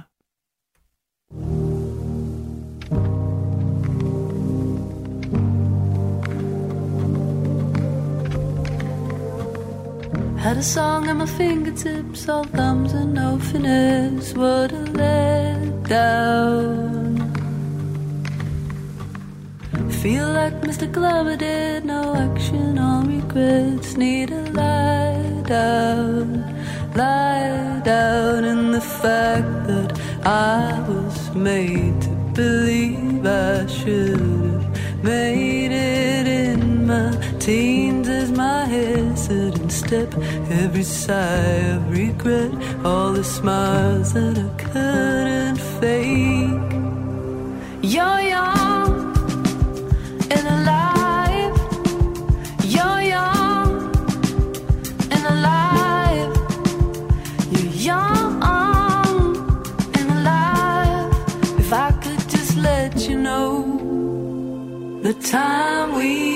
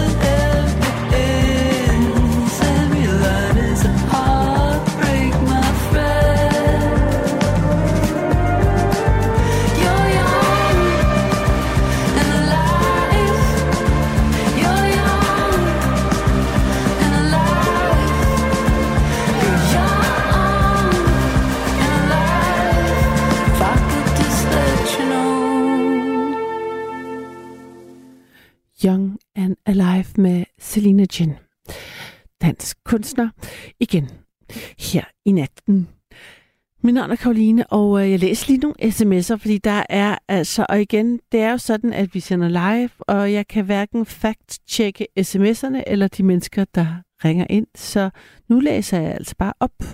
Der er en, der skriver her, det er ikke bare en, det er Ina. Hun skriver, kære Karoline, man fandt Thomas Bisps skelet under vejarbejde tæt på Galjebakken den 3. oktober 1900. Og skelettet er vist nok udstillet i en montre. Aha, der kan man bare se. Så er der flere, der har skrevet, at øh, den sidste halshugning i Danmark fandt sted i Horsens Tugthus omkring 1877, og han hed Jens Nielsen, så jeg skulle korrigere venligst indringeren. Og øh, det står der så en skriver, en anden Morten skriver så, at sidste halshugning fandt, var først i 1892 i Horsens. Det er de så enige om. Årstallet er der forskellige øhm, meninger om. Men altså, det, det, der er i hvert fald flere, der mener, at uh, Thomas Bisp altså ikke var den sidste, der blev øh, halshugget. Ja, så er vi kommet, øh, så har vi fået det på, på, på, jeg ved ikke, om det er på plads, men i hvert fald fået det øh, ud i æderen. Og nu har jeg øh, Annie med mig. Er det rigtigt? Ja, det er nemlig rigtigt. Hej Annie. Ja, det er rigtigt. Ja, jeg bor i Lyngby. Ja, Jeg har en lille sød, men også en, en slem historie den, fra den gang. ja, Øh, det var min øh, oldemor. Hun var barn af, af Laurits Tuxen. Laurits Tuxen, det var ham, den store maler, der malede det kæmpe store billede, der hænger inde på Christiansborg af, af et, øh, far, øh, ham der, der var kong, han var far til øh, alle kongehuse. Nå ja, Europas bedste far der. Ja. Ja, ja, ja. Og øh, hendes mor, min oldmors mor, var ansat i huset som tjenestepige ja. i Laurits Tusinds familie. Og, øhm, og så han var en ung mand, og det var hun jo også. Og så, ja, ja, så fik de så lavet et barn sammen. Men hvis hun havde fortalt, at det var sønnen, ja, nu skal jeg have et barn, så var hun blevet smidt ud. Og hun, det, var, det var meget fint at være i den familie. De var også meget velhavende. Så hun kunne jo godt have fået det godt, men altså det gjorde hun så ikke. Og på dumsetesten på min oldemor, der stod, at faren var ukendt. Så det var jo altså tysk-tysk historie. Og kunne hun, altså behold, kunne hun beholde sit barn øh, og arbejde samtidig? Ja, hun, eller ja, måtte og hun det, være- ja, hun arbejdede stadigvæk, og hun fik lov at være der. Og hun havde også sin lille pige med på arbejde. Og ved du hvad? Det var meget, meget mærkeligt. Jeg synes, det var så underligt, at min oldemor talte sådan meget pænt og affekteret. Og hun har jo gået til at blive opdraget, og det har været søde ved hende. Der har ikke været noget der.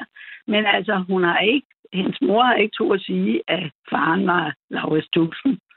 For han var måske 18 år eller sådan noget, ikke? Åh, for søren. De har været så unge. Ja.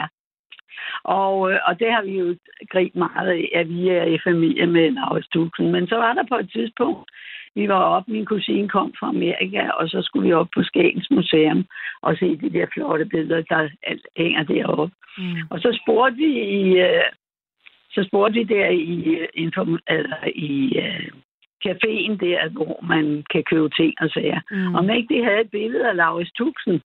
Og det, nej, det havde de ikke. Og så siger de så, hvorfor er I så, så til interesseret i at få et billede af ham? så sagde vi, jamen det er faktisk fordi, det er vores tiboldefar. Hvad for noget, sagde de så. Hmm. Det må vi heller lige spørge. Der var så en, der hed Lise Svandholm, som var museuminspektør deroppe. Og hun ringede så til mig og spurgte, det var for noget, og hun ville gerne høre det, for hun havde skrevet om Laurits Tuxen, og det havde hun jo ikke hørt noget om. Nej, sagde jeg, det var en tysk historie. Den kom ikke ud, fordi så havde man ikke noget arbejde, hvis man var blevet smidt ud af huset der. Uh, altså, og det er, jo, det er jo så sødt en historie, men det er alligevel sådan lidt tragisk, ikke? Jo, det har da ikke været, altså det har da ikke været særlig fedt for, altså, Nej, for hende, ikke? Sådan en ung pige der, det har da været... Jeg, jeg, jeg, Ja, ja, det jeg er imponeret over, at hun har fået lov til at beholde sin, sit barn, fordi tit må det, altså, fattige kvinder jo give dem væk, ja. altså. Nej, men det gjorde hun. Og min, hun var så elskelig sød, min oldemor. Hun var en meget kært menneske. Mm. Og, og, og det var jo fordi, hvorfor min mor fik det at vide, det var fordi hun også var i huset inde i København, og hun gik over og besøgte sin, sin øh, øh, farmor i lægeforeningens bolig, og boede hun. Og så der, da han så døde, så fortalte hun så min mor det, ikke? Men det må du ikke fortælle til nogen, sagde hun. Nå, så Så- hun ventede til, at, uh, at Laurits Tuxen var var død. død ja, til at sige det. ja, Hold da op. Tænk, hun kunne holde på det så længe. ja. Men det har hun gjort. Det har hun jo fået at vide af sin mor, ikke? Men, det må hvad, ikke fortælle til nogen. men hvad vil... Altså, han har jo godt vidst det, tænker jeg. Altså, han har jo godt vidst, at det barn, der gik rundt der, var hans. Nej, det er ikke sikkert. Nå, Det er ikke sikkert. Det er ikke sikkert, at han har tænkt på, at der var kommet noget ud af det. Og det kan det også være, at hun ikke... Det var jo ikke særlig oplyst dengang, vel? Det var det da ikke. Så øh, det, det, det, det gik man jo ikke at tale om, at man lavede sådan noget, vel? Det gjorde man ikke. Det var, øh, det var, det var sådan noget hemmelighedsskammeri for at lave børn. Nå, men jeg synes bare, det var sjovt, fordi øh, at øh, vi, er, vi er nogle stykker, der har været lidt... Øh, ja, vi har, der har været nogle kunstneriske år, der er gået Ja. igennem. Min datter for eksempel... Jeg har også haft lidt... Jeg har både lavet keramik og mange ting, ikke? Så det kan da godt være, at der har været noget der. Og hvis man kunne have fået taget en DNA-test, så havde man jo været sikker på, at der var måske, det var måske rigtigt, ikke? Det er rigtigt. Det er rigtigt. Det, Det kan kun være rigtigt. Ja, men og hvordan er det? Altså, har, kan, kan I huske, om din, har din øh, mor eller mormor snakket med din oldemor om det? Altså, kan, har der nogen, der ligesom har talt med hende om, hvad hun kan huske fra... Nej, jeg tror, nej, jeg tror bare, at hun... Øh, nej, det tror, hun har bare sagt det der til, sin mor, øh, til min mor, at hun skulle ikke sige til nogen. Men så var min mor jo bekendt med det, og, øh, og hun tog så meget af, af, af min øh, oldemor. Hun var meget, hun var meget fattig, Mm. og det, min mor fik ind hos hende, det var en fedtemad med salt, ikke? Øh, fordi hun havde ikke ret mange penge, og hun havde heller ikke nogen tænder i munden, og hun var sådan en rigtig gammel dame, en sød, sød gammel dame. Det er sådan en rørende historie på en eller anden måde. Ja. Hvad, hvad, hvad blev det? Altså, hvordan... Hvad, hvad, hvad, fik, hvad lavede arbejdet hun som? Altså, hvad, hvad, hvilken skæbne fik hun så, din oldemor der? Ja, jamen, jeg tror også, hun var sådan en slags tjenestepige. Nej, hun, hun gik ud og vaskede for folk. Og så fandt hun, hun fandt så en mand, og, og, og hun fik to sønner. Min morfar, og så øh, en, øh, en, øh, en søn, som blev gift, men blev også skilt. Men han var sådan lidt, han var sådan lidt for sig selv. Men min morfar, han var ikke særlig stolt af sin mor. Det var, det var lidt en meget sørgelig historie på en måde, fordi han var flov over, hun var sådan et uægte barn. Ja, sådan en rigtig Og, vaske, kedelig- og, så, og hvad, hvad, hvad, hvad Nå, så det, det gik ligesom videre i generation, selvom hun fik en mand og var børn, så, så var faren ikke, så var hendes sønner ikke stolte af hende. Jamen, jeg, ved, jeg tror nok, at, at den anden søn var glad for sin mor. Han kom meget der. Men det var min mor, der sådan set tog over fra sin far og tog sig af sin, tag, tog sig af sin øh, bedstemor. Mm. Hun sagde bedste til hende, ikke? Dengang brugte man ikke så meget det der mormor og morfar. Og farmor og farfar, der sagde man bedste og bedstefar. Det gjorde jeg også til mine bedsteforældre. Mm. Og tror Men, du, øh, at det, altså havde det også noget at gøre med, at hun var, altså jeg ved ikke, hvad, det, hvad den søn endte med, om han fik en uddannelse, eller hvad, altså du ved godt, om Jo, han... jo. Jo, den, er- jeg tror, øh, jeg kan ikke huske, hvad, hvad min mors onkel, hvad han blev, men min morfar, han blev smed, og så sidenhen blev han, øh, blev han politibetjent. Så han var politibetjent i, i Kalundborg. Så, men det var bare det. Ja, så Jeg jeg bare vil- tænker på, om det også var det, der havde, altså det der med, at sønnen havde syntes, hun var vaskekone, det ikke var fint nok, ikke? Altså om det er ja, sådan men noget... der var, der, er noget, der var noget i, i det der. Ej, det er også så vigtigt, det er en hård skæ... altså det er hårdskæbne, at både moren, der føder hende, skal skamme sig, og så barnet skal også skamme sig. Altså der er så meget Ja. skam, der bliver ført videre, ikke? Og så Ja. får hun et barn, så... Ja. Øh, Men så det var hårde tider, det ja, ja. Det var virkelig hårde tider. Ja, men hun var en sød dame, det var hun. Så det var, det var, ja, det var så bare min historie. Det var da en vild historie. Og, og det havde da været rart med et lille tusindmaleri. Øh. Ja, ja jeg Hvis kan hun- huske en gang, at jeg fortalte, der var nemlig en udstilling med ham ude på Arken, ude i øh, Ishøj. Og der stod der så hende, der lavet udstillingen, der fortalte jeg historien. Så sagde hun, nej, det er da helt mærkeligt, det skulle man da have vidst noget om. Ja. Ja, men det, er, det har vi ikke sådan bredt ud. Det er først kommet nu de senere år, vi snakker om det. Ikke? Så sådan er det. Jo, det, kan være, der er nogen, det kan være, der er nogen efterkommer, der måske ringer ind til dig.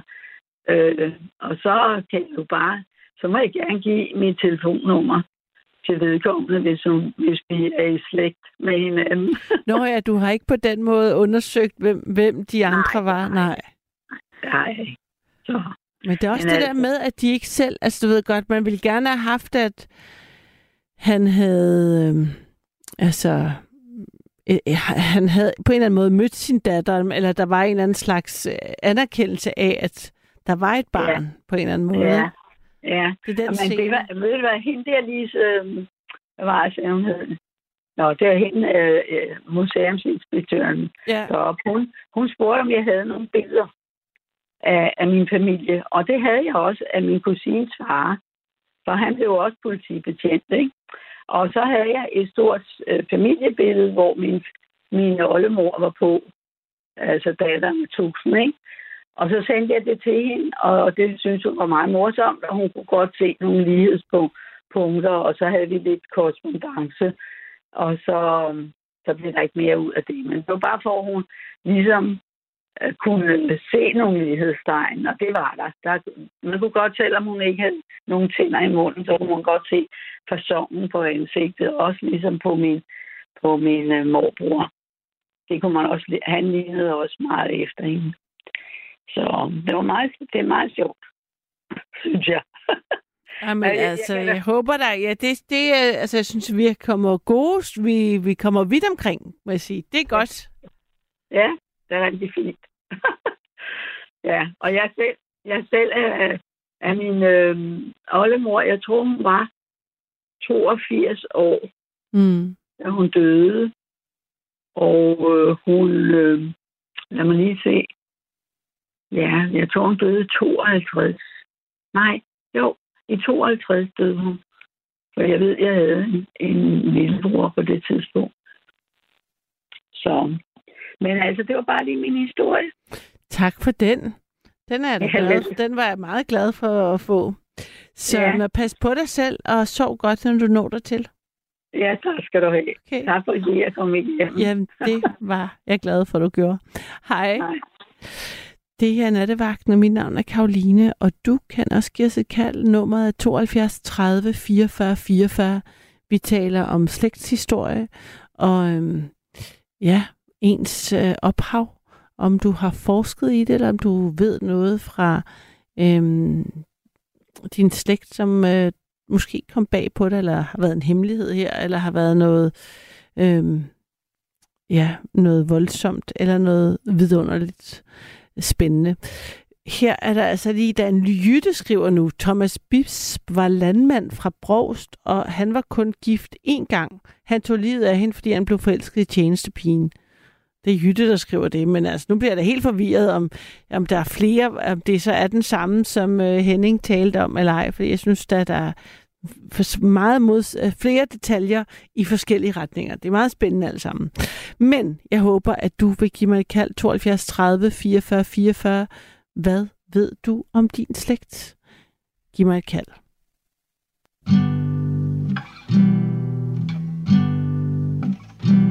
Succumb to the line, the finishing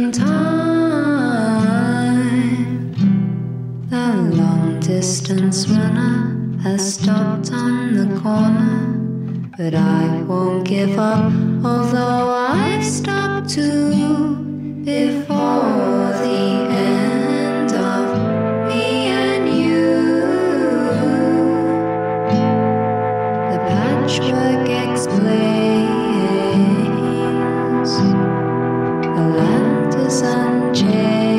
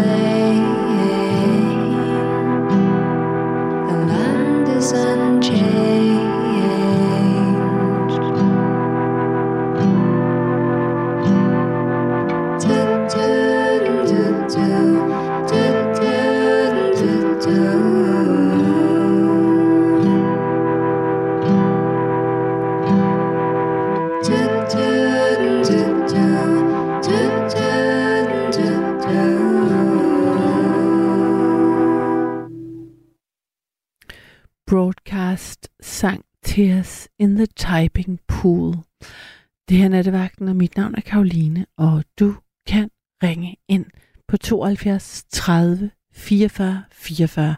72 30 44 44. Jeg synes, du skal gøre det. Selvom du er typen, der tænker, ah, jeg plejer ikke at ringe ind. Det er ikke noget for mig. Ved du hvad? Prøv at gøre det alligevel. For jeg vil gerne vide noget om din slægt.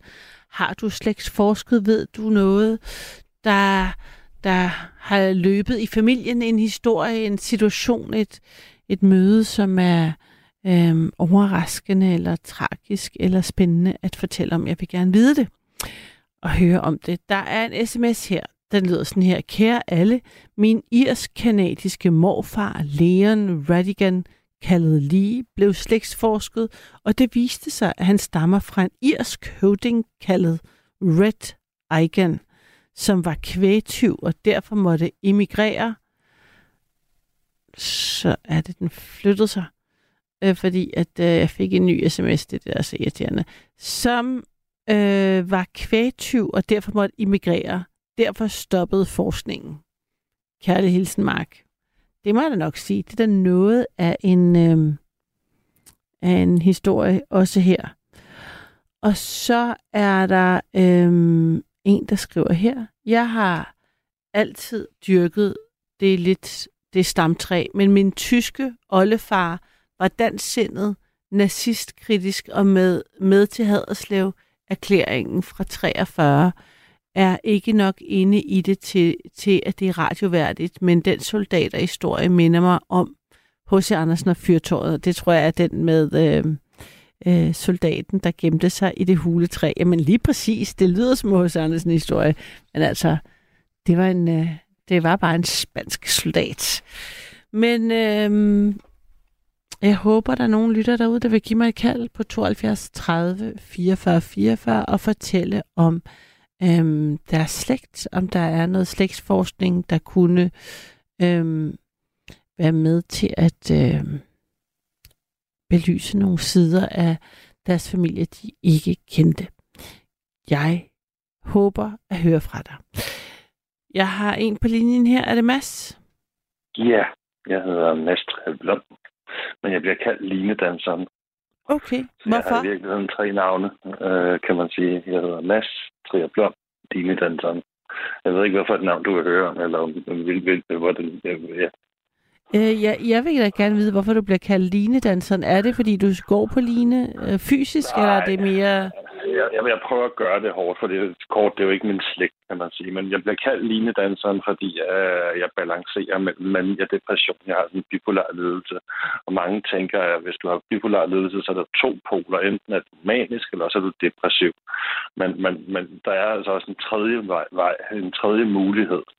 Og det, det betyder meget for mig, det der med den tredje vej, at man, man, man ikke tager depressionen eller manien, men man prøver at holde balancen, og derfor kalder jeg mig linedanseren. Du skal fortælle mig igen den der tredje... Hvad, hvad siger du, den tredje mulighed er? Ikke at falde til den ene side, ikke at falde til den anden side, men at blive på linjen og holde balancen. Ja, altså når det går ja. egentlig sådan, som det, når man er velmedicineret, eller det går godt. Altså, man behøver ikke få medicin, men når det går godt, ja. Ja. Nå, men det, er sådan- det, det der er ret væsentligt, det kan jeg godt forstå, at du har indført den. ja. Line. Så, så det er mit, mit, mit, mit kælenavn. øh. Men mit, mit, mit, mit efternavn, altså mit fornavn, det er jo, det er jo, det er jo, det er jo, det er jo, det er jo som Mads.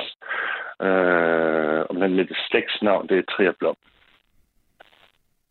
Og ved du noget om med den slægt? Ja, øh, den er nemlig ret kort, kan man sige. Øh, den går tilbage til 2004, tror jeg. Nej, jo, nej, 7, 2007. Øh, så den er ikke så lang. øh, jeg, jeg, jeg, jeg er blevet født trier, og min kone blev født blom. Øh, og da vi skulle giftes, så sagde jeg til min kone, Nå, nu kommer du snart til at hedde Trier, hvordan har du det så med det, skat? Og så sagde hun, hvad mener du med det? Øh, det er sgu da dig, der skal hedde Blom. Og så, så, blev jeg sådan helt glad. så skal vi ikke hedde Trier? Hvad skal der for det? Øh, og tænkte, hun er sgu vild. Øh, og så tænkte jeg, jeg vil ikke hedde Blom. Øh, jeg vil da hedde Trier. Øh, og så blev vi enige om, at det ene kunne være et mellemnavn, og det andet kunne være et efternavn. Og underforstået var det selvfølgelig, jeg kunne godt leve med at hedde Blom som mellemnavn, men jeg skulle sgu ikke hedde det som efternavn, tænkte jeg. Men man kan jo ikke rigtig hedde Blom Trier. Man kan kun hedde Trier Blom. Kan man da? Nej, det kan man da. Man kan da der hedder Mads Blom Trier. Det kan man da. Det er ligesom blommetræer. Det lyder pisse godt. Nå, okay, så det er blevet Mads Blom Trier, det er ikke blevet Mads Trier Blom. Nej, nej, nej, nej. Men hedder hun så jeg fornavn, og så Trier Blom? Nej, nej, nej, nej, nej, nej, nej, du misforstår, Karoline. Jeg kom til at hedde, det endte med, at jeg kom til at hedde Trier Blom. Men jeg, jeg sagde til hende, jeg vil, jeg vil godt hedde Blom som mellemnavn, og så hedde Trier som efternavn. Men så sagde hun, ja, men jeg gider ikke hedde det der. Jeg vil hedde Trier som mellemnavn og Blom som efternavn. Og så sad vi og skændte som det. Jeg kunne ikke blive enige, om det skulle være det ene eller det andet, vel? Så endte hun alligevel med at vinde. Nej, så endte, jeg vil ikke give mig, men vi endte med at aftale, at, at, at, at vi sendte stemmesedler ud til vores bryllupsgæster. Nej, jo Øh, vildt. Sammen med bryllups, bryllupsinvitationen, så Ja. sendte vi stemmesedler ud, hvor vores gæster skulle stemme, om det skulle være bedst med Trier Blom eller Blom Trier. Og så vandt hun med fire stemmer sgu. Hey, hvor er det morsomt. Det er Det er virkelig så sjovt. nederen. Ja. Nej, det er nederen, det er ikke sjovt. Det Nej, tragisk, tragisk, tragisk Jeg kan skæbne, godt forstå, Som, ja. som et, ja, lige pludselig blev mit efternavn gjort til et mellemnavn. det Og se. det bliver værre, det bliver værre, det bliver værre, fordi så gik der tre år, og vi fik en datter, ikke? Jo. Og, og, og hun, hun, hun fik jo så sin mors efternavn, som var Blom. Øh, men da hun blev født, der, havde hun, der var hun jo ikke døbt, så hun havde ikke noget fornavn endnu. Hun fik senere et fornavn. Øh, og, og, og, hun får heller ikke mellemnavnet, for det får man også med dåben. Nå, Så hun havde, havde hverken fornavn eller mellemnavn, da hun blev født. Der havde hun kun efternavnet. Og derfor så satte de sådan en navnelabel på, fordi folk går og bytter rundt på børnene, når de skifter dem, og så vender de sig om, og så vender de sig om, og så er de i tvivl om, hvis spædbarn, der er hvis spædbarn inde på fødeafdelingen, ikke? jo, i gamle dage i hvert fald. Så, så, så, så, så, så for at holde styr på børnene, Mm. så sætter de sådan en, en navnelabel på deres arm. Og ved du, hvad der stod på den, Karoline? Hvad stod der? Der stod ukendt blom. Nej, det var da forfærdeligt. Det var- der, der var en- engang Trier, der var bare ukendt blom. Nej, nej. Og jeg, jeg, jeg, blev så, jeg, blev så, jeg blev så ked af det, fordi jeg synes ligesom, jeg havde været med i det der projekt at lave det der barn, ikke? Jo. Altså, det var også min datter. Kunne du så et ikke fyr, havde du en kuglepen eller et eller andet, hvor du lige kunne skrive lidt? Men, men, men, men, men de havde lavet om på navneloven, så man kunne lave bindestreger. Så da, da min datter blev født i 2006, så i 2007 fik vi så sat en bindestreg i vores efternavn, så det blev Trierblom. Ja, ja, Og i 2008, der blev min søn så født. ja. Så han blev født som den første i slægten, Trierblom. Trierblom. Og, og er den eneste os, der er født, fordi nu er vi blevet skilt. Øh, og jeg overvejede, om jeg skulle så droppe det der blom, nu er vi jo blevet skilt. Men altså, jeg tænker, nej, vi er, vi er ligesom en ny slægt, der hedder Trierblom. Med Og, og vi er fire med bindestreg. Vi er min kone, og vi er ekskone, og vi er min datter og min søn og mig. Ikke? Vil du høre, hvor Trier kommer fra? Det vil jeg gerne. Jeg vil gerne. Jeg synes virkelig, det var sjovt, det med, med hvad hedder det, med brylluppet, at I sendte stemmesedler ud. Ja, det synes jeg også. Og, og min svigermor, vi, vi havde jo ikke printer dengang i 2003, vel? Hvorfor? Øh, så vi, vi, vi, vi, jamen, det havde man bare ikke. Vi havde ikke printer i hvert fald Okay. i 3, 2003. Så, så vi fik den trykt ind på, på hendes arbejde. Og så, øh, så går der en uge, og vi har vist ikke engang øh, delt stemmesedlerne ud endnu.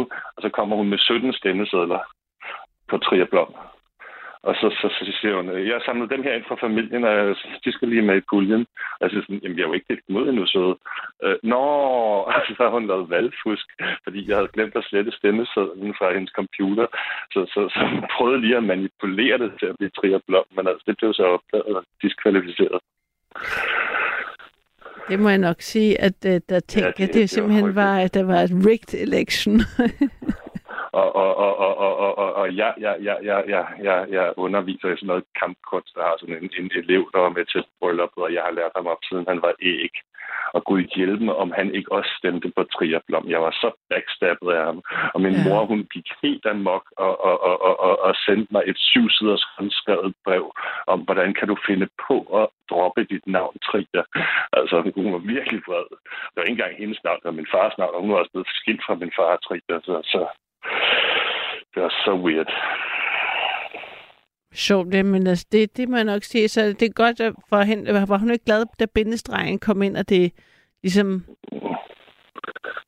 Nej, kom tilbage? øh, det blev ikke tilgivet. Nej, nej.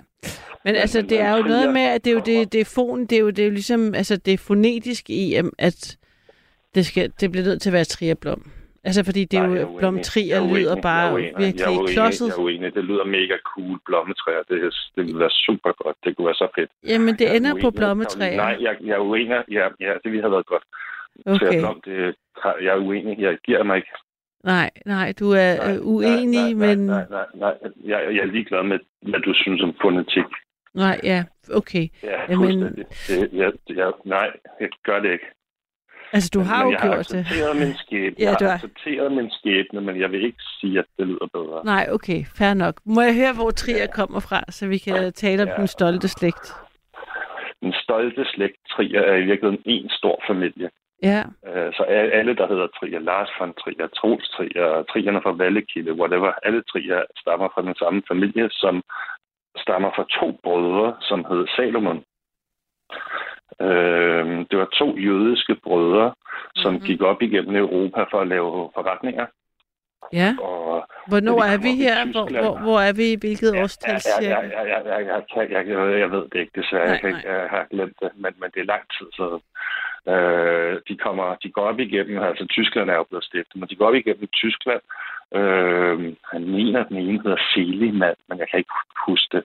Men, men to brødre, brødre, brødrene Sal- Salomon, de laver ikke sko, men brødrene Salomon laver forretninger oppe i Tyskland. Og forretningerne går dårligt, da de kommer op i Tyskland, så de tænker, de vil rebrande Bixen. Øh, og tænker, vi skal have et eller andet mere arisk navn.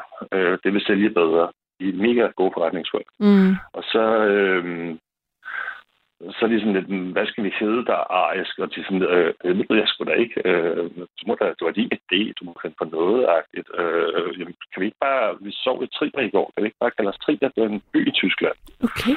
Øh, og han siger, jo, jo, det er mega arisk, den tager vi. Så fordi de havde sovet i Trier, som ligger i sydvest-Tyskland, øh, så skifter de navn fra Salomon til Trier. Og grunden til, at byen Trier hedder Trier, er, at man, man, man siger faktisk, at det er Tysklands ældste by. Nå, Øh, fordi den, den lå der sådan set før Tyskland blev lavet. Øh, den, den, den går faktisk helt tilbage til Romeriet, hvor at det var Romerigets nordligste forpost. Romeriet var jo kæmpestort. ja, det må det have været. Øh, og, og, og fordi det var så stort, så gik der en vej fra Trier sydøst på til den sydøstlige del af Romeriet. Mm. Og så gik der en vej fra Trier til den sydvestlige del af Romeriet. Fordi det var mega stort, ikke? Så to veje til Romeriet. Og så gik der en vej nordpå, op til normannerne, som ikke var i Romeriet, og, og, og, og alt det barbariske og ukendte, og kulden og jyderne, og, og, og, og, og, og, og, og, muren og The White Walkers, og, og, og alt det der, ikke? Øh, øh, Alt det, vi ikke forstod. Mm. Og fordi der var tre veje ud fra Trier, så Ja. kaldte de byen gadekrydset, en Mercedes-formet gadekryds. Byen der kaldte de så Trier. Fordi at, når det er en triangle, noget med en Tri- ja, tri. tri, tri, tre, tre betyder Ja. tre, eller tri, tri, Ja. tri betyder tre, ikke? Så, så byen hedder, altså Trier er gadekrydset med de tre veje, eller hvad man kalder det, ikke? Ja. Tre Mercedes-kryds. Så har du fået i hvert fald mit slægtsnavn og mit kælenavn. Vil du også have mit fornavn? Jamen, der havde du Mads, sagde du.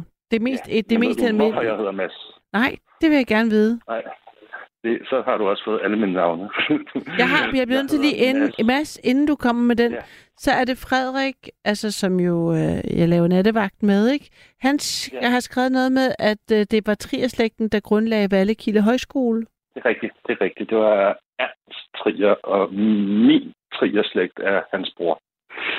Ja, ja. Det er rigtigt. Om det tænker jeg, det var, det var da meget godt, at vi også lige fik. Ja, ja. Fik det med. Og, og, og, og Troels Trier søng sang i Røde Mor. Jeg skal på rekreation. Jeg vil ikke bytte for en million. Nå ja, ja. Ja, ja. Det er også. også. Jeg har næsten stemmen. Jo. Ja, han har sådan en lædersflyver hjelm. Øh, der er også nogle malere, der hedder Trier. Og, og mange kreative mennesker. Du Lars von Trier med ride, ikke? Han er ikke, han er vist adoptivbarn, tror jeg, men Ja. skidt pyt. Øhm, men, men, men, men mit fornavn er det sidste navn, jeg har at byde ind med i aften. Ja. Og jeg spurgte min mor, hvorfor hedder jeg Trier? Og hun sagde, at det var fordi, dengang jeg blev undfanget, der var hun på campingtur med min far. ja. Og de var i Jylland. Og den lokale brugsforhandler var sådan en driftig og sød mand. Ja. Og han hed Mads. Okay. Så jeg er simpelthen opkaldt efter en, en, en flink købmand. Og det synes jeg selv var så ufedt, da jeg var barn, og jeg tænkte, det kan ikke passe. Altså, der må være en bedre historie end det. Så jeg, jeg, jeg, jeg var sådan en nørdet barn, der altid kiggede i ordbøger, når der var noget, eller leksikon, når jeg var i tvivl om noget. Så jeg slog masser op i leksikonet. Ja. Og, og, og, og i øvrigt, øh, det der linedanseren med den tredje vej, det går jo igen i trier efternavnet. Den, Jamen, det skal jeg skulle til at tænke Det det også, sjovt. da du sagde det. Ja. Ja, ja, ja, det er meget fedt.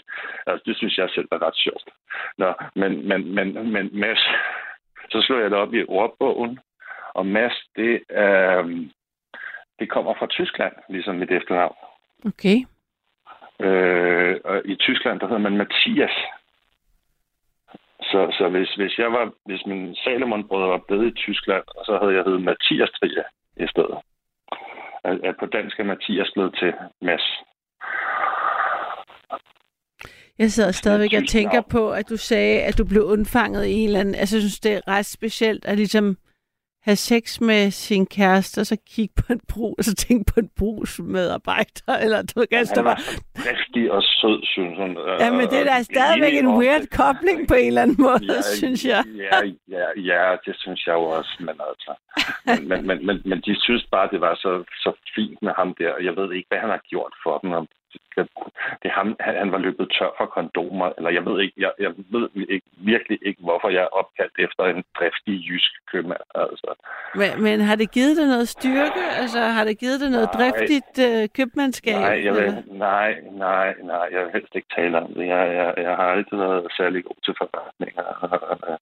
En gang sagde min chef, at jeg skulle lave noget salgsarbejde. Jeg kan slet ikke finde ud af at sælge. Jeg er, jeg er relativt god til at snakke og service og sådan noget. Jeg har holdt utrolig mange foredrag om, om, om min psykiske sygdom.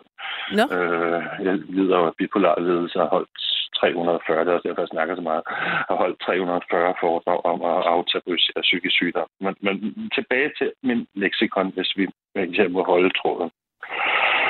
Det, det er en bedre historie. Jeg gider ikke snakke om mange købmanden. Det er ikke, jeg, jeg, jeg, jeg, jeg, jeg, jeg, jeg, jeg, jeg, jeg, jeg synes ikke, det er sjovt at blive opkaldt efter en driftig jysk købmand. nej, det er forfærdeligt. Ja, det er en skæbne. Det er lige så slemt som at hedde Blom. Ja, Jeg ved heller ikke noget om blom. Jeg aner ikke, hvor det kommer fra, andet end det kommer fra min kones familie. Jeg har aldrig undersøgt det. Jeg ved ikke vide det. er det også tysk Ja. i virkeligheden lidt? Kunne det også Så, være lidt tysk? nej, det er svensk, svensk, tror jeg. Okay. Jeg Blom? ved godt, det, det kommer fra Sverige. Blom. Mads Blom. Der er nogen, der kalder mig Mads Blom. Tysk, øh, svensk købmand. Mega ufedt. Og så bare Mads Trier. Ja. Ja. Har ikke mødt ham? Nå, Nej, Ja. er, er du, du er stadigvæk i gang, eller hvad? ja, ja. jeg, jeg, jeg, jeg vil gerne gøre min historie færdig med det Ja, der leksikon, om hvor Mads kommer. Ikke? ja, Fordi hvis jeg havde været tysker, så ville jeg hedde Mathias Trier. Men navnet Mathias kommer fra hebraisk. Ligesom brødrene Salomon. Nå, hvor fint, der var en cirkel. Øh, så, så, så, så bliver en cirkel, ja, til sidst. Øh, og og, og, og, og det, det hebraiske navn for Mathias er Matthæus. Og, Ja. og, og det, er det, er jo, det er jo sådan et godt øh, hebraisk navn. Øh, og, og, og der er faktisk en dobbeltcirkel, fordi den, ja, hvordan skal man sige, den, den, den gang jeg blev syg første gang af min sygdom, min psykiske sygdom, Mm. var det fordi, at, at Gud og djævlen sad og skændtes om, de skulle lave dommedag eller ej.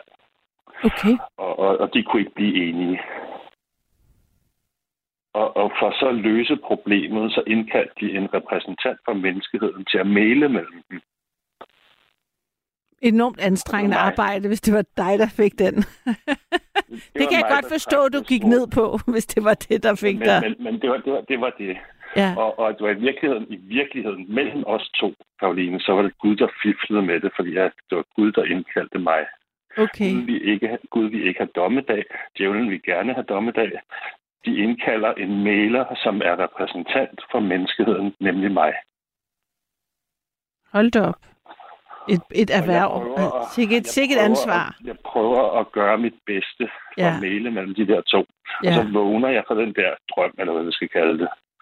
Øhm, og så kan jeg ikke huske, hvad vi blev enige om. Jeg kan bare huske, at scenariet er, at enten skal det fly falde ned, som jeg sidder i, og det vil starte dommedag. Eller også skal det fly, jeg sidder i på vej hjem fra Ægypten, øh, komme hjem til Danmark, og der bliver ikke dommedag. Mm. Og vi har lige været nede og bestige Mosesbjerget, Mount Sinai. Og nu sidder vi i et fly. Jeg har mødt Gud og djævlen. Jeg har lige forhandlet med dem. Og jeg venter bare på, om flyet kommer, falder ned eller ej. Og jeg kan ikke huske det. Men jeg har sådan en déjà vu-oplevelse af alt, hvad der sker. Det kan jeg genkende. Så jeg har sådan en følelse af, at Gud og djævlen og mig har været instruktører. Vi har indspillet filmen, og nu sidder jeg og ser den for første gang.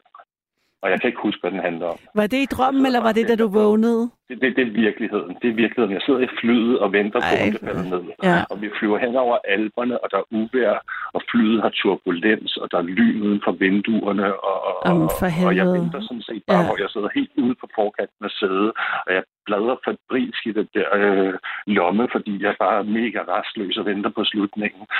Og så finder jeg den her indlægsseddel, hvor der står i tilfælde af flystyrt. Jeg er 27 år gammel. Vi taler 2002. Og jeg tænker, okay, i tilfælde af flystyrt, det må være lidt interessant at læse i den her situation. Mm. Og der står, du skal tage din egen iltmaske på, før du hjælper dine børn. Og jeg tænker, det er smart. Fordi jeg dør jo, hvis jeg ikke gør det. Så, så, så hvis jeg giver børnene iltmasken på først, så dør jeg jo. Mm, Det kan godt være, at mine børn overlever, men, men jeg skal jo tage min iltmaske på, så jeg kan give børnene den på. Præcis. Jeg synes, det er så klogt. Jeg synes, det er så klogt. Man skal virkelig passe godt på sig selv, være god ved sig selv. Ikke for ens egen skyld, men for at kunne hjælpe andre. Mm. Og det er min livsfilosofi, og det er ligesom alt, hvad jeg står for. At man skal passe godt på sig selv, så man kan hjælpe andre. Men for at slutte cirklen, for det var jo fugt det hele, altså det var Gud, der snød, så betyder Matthæus på hebraisk Guds gave. Og så blev det lige pludselig, så er det lige, så er det lige pludselig vendt lidt, synes jeg, fra Så, så købmandsskabet. ja, det er lidt federe end købmandskabet. Ja. Jeg synes også, at det, det er sådan en fin slutning. Så kunne der stå end der på mit navn. Det var bare en historie, jeg delte med dig, Karoline, og med gerne af den slutter. Men den var jeg da meget glad for. Er da også få lov til at dele den Ja. historien om mit navn. Jeg tænker, den der flytur, synes jeg er stadigvæk, må jeg sige, jeg er stadigvæk lidt oppe i det der fly der. Det var så hæsligt, og, og jeg var jo glad for, at vi kom hjem, men jeg havde det bare mega dårligt bagefter. Jeg gik rundt og troede, jeg havde klare syn, og jeg kunne forstå alting her i verden og sådan noget. Det var så spooky.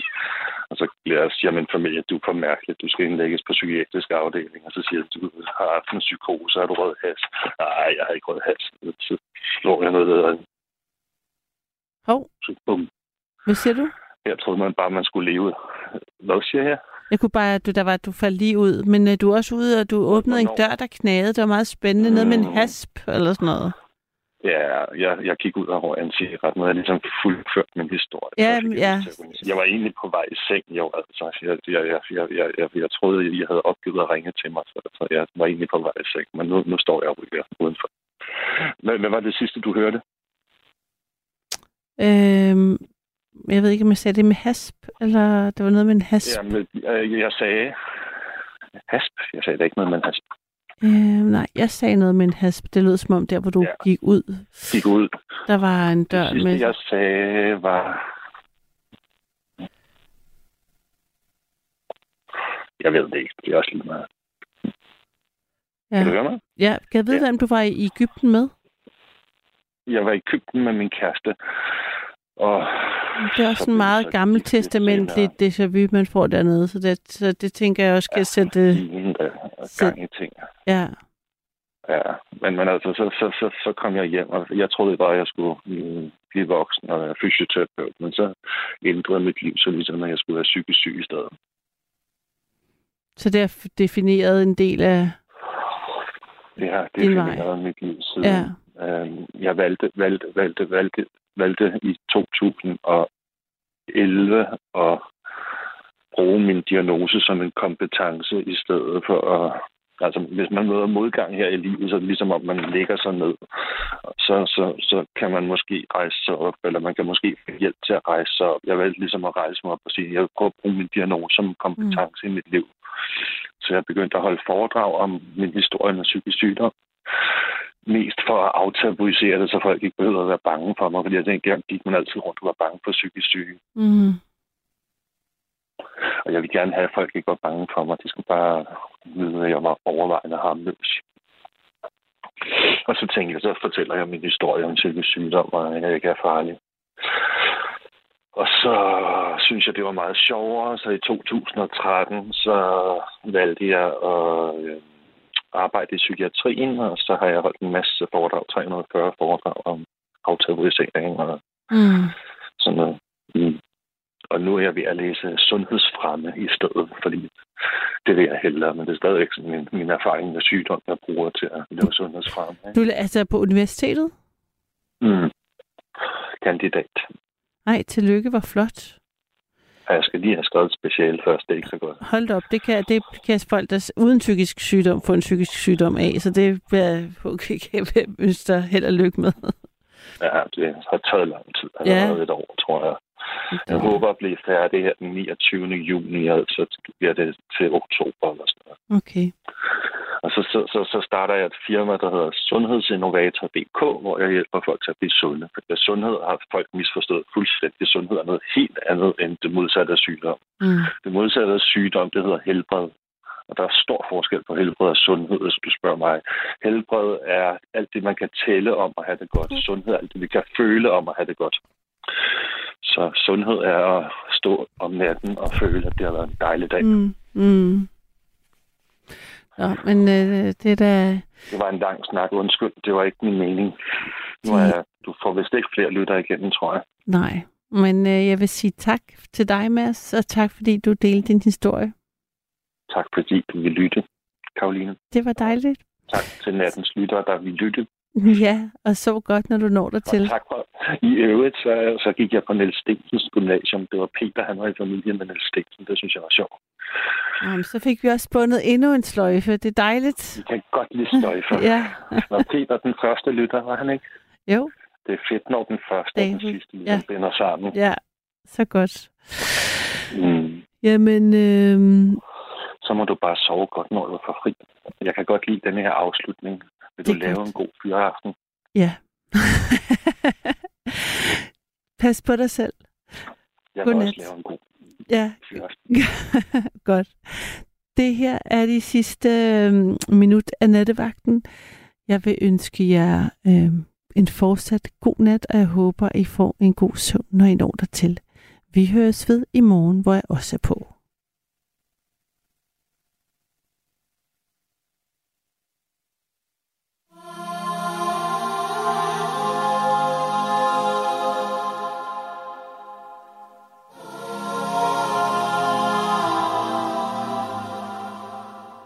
And I bet my mind.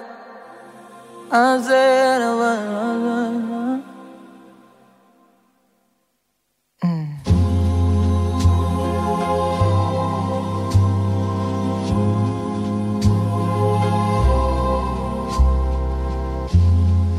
Sometimes I feel like a motherless child. Sometimes I feel like a motherless child. Sometimes I feel Du har lyttet til en podcast fra Radio 4. Find flere episoder i vores app, eller der, hvor du lytter til podcast. Radio 4 taler med Danmark.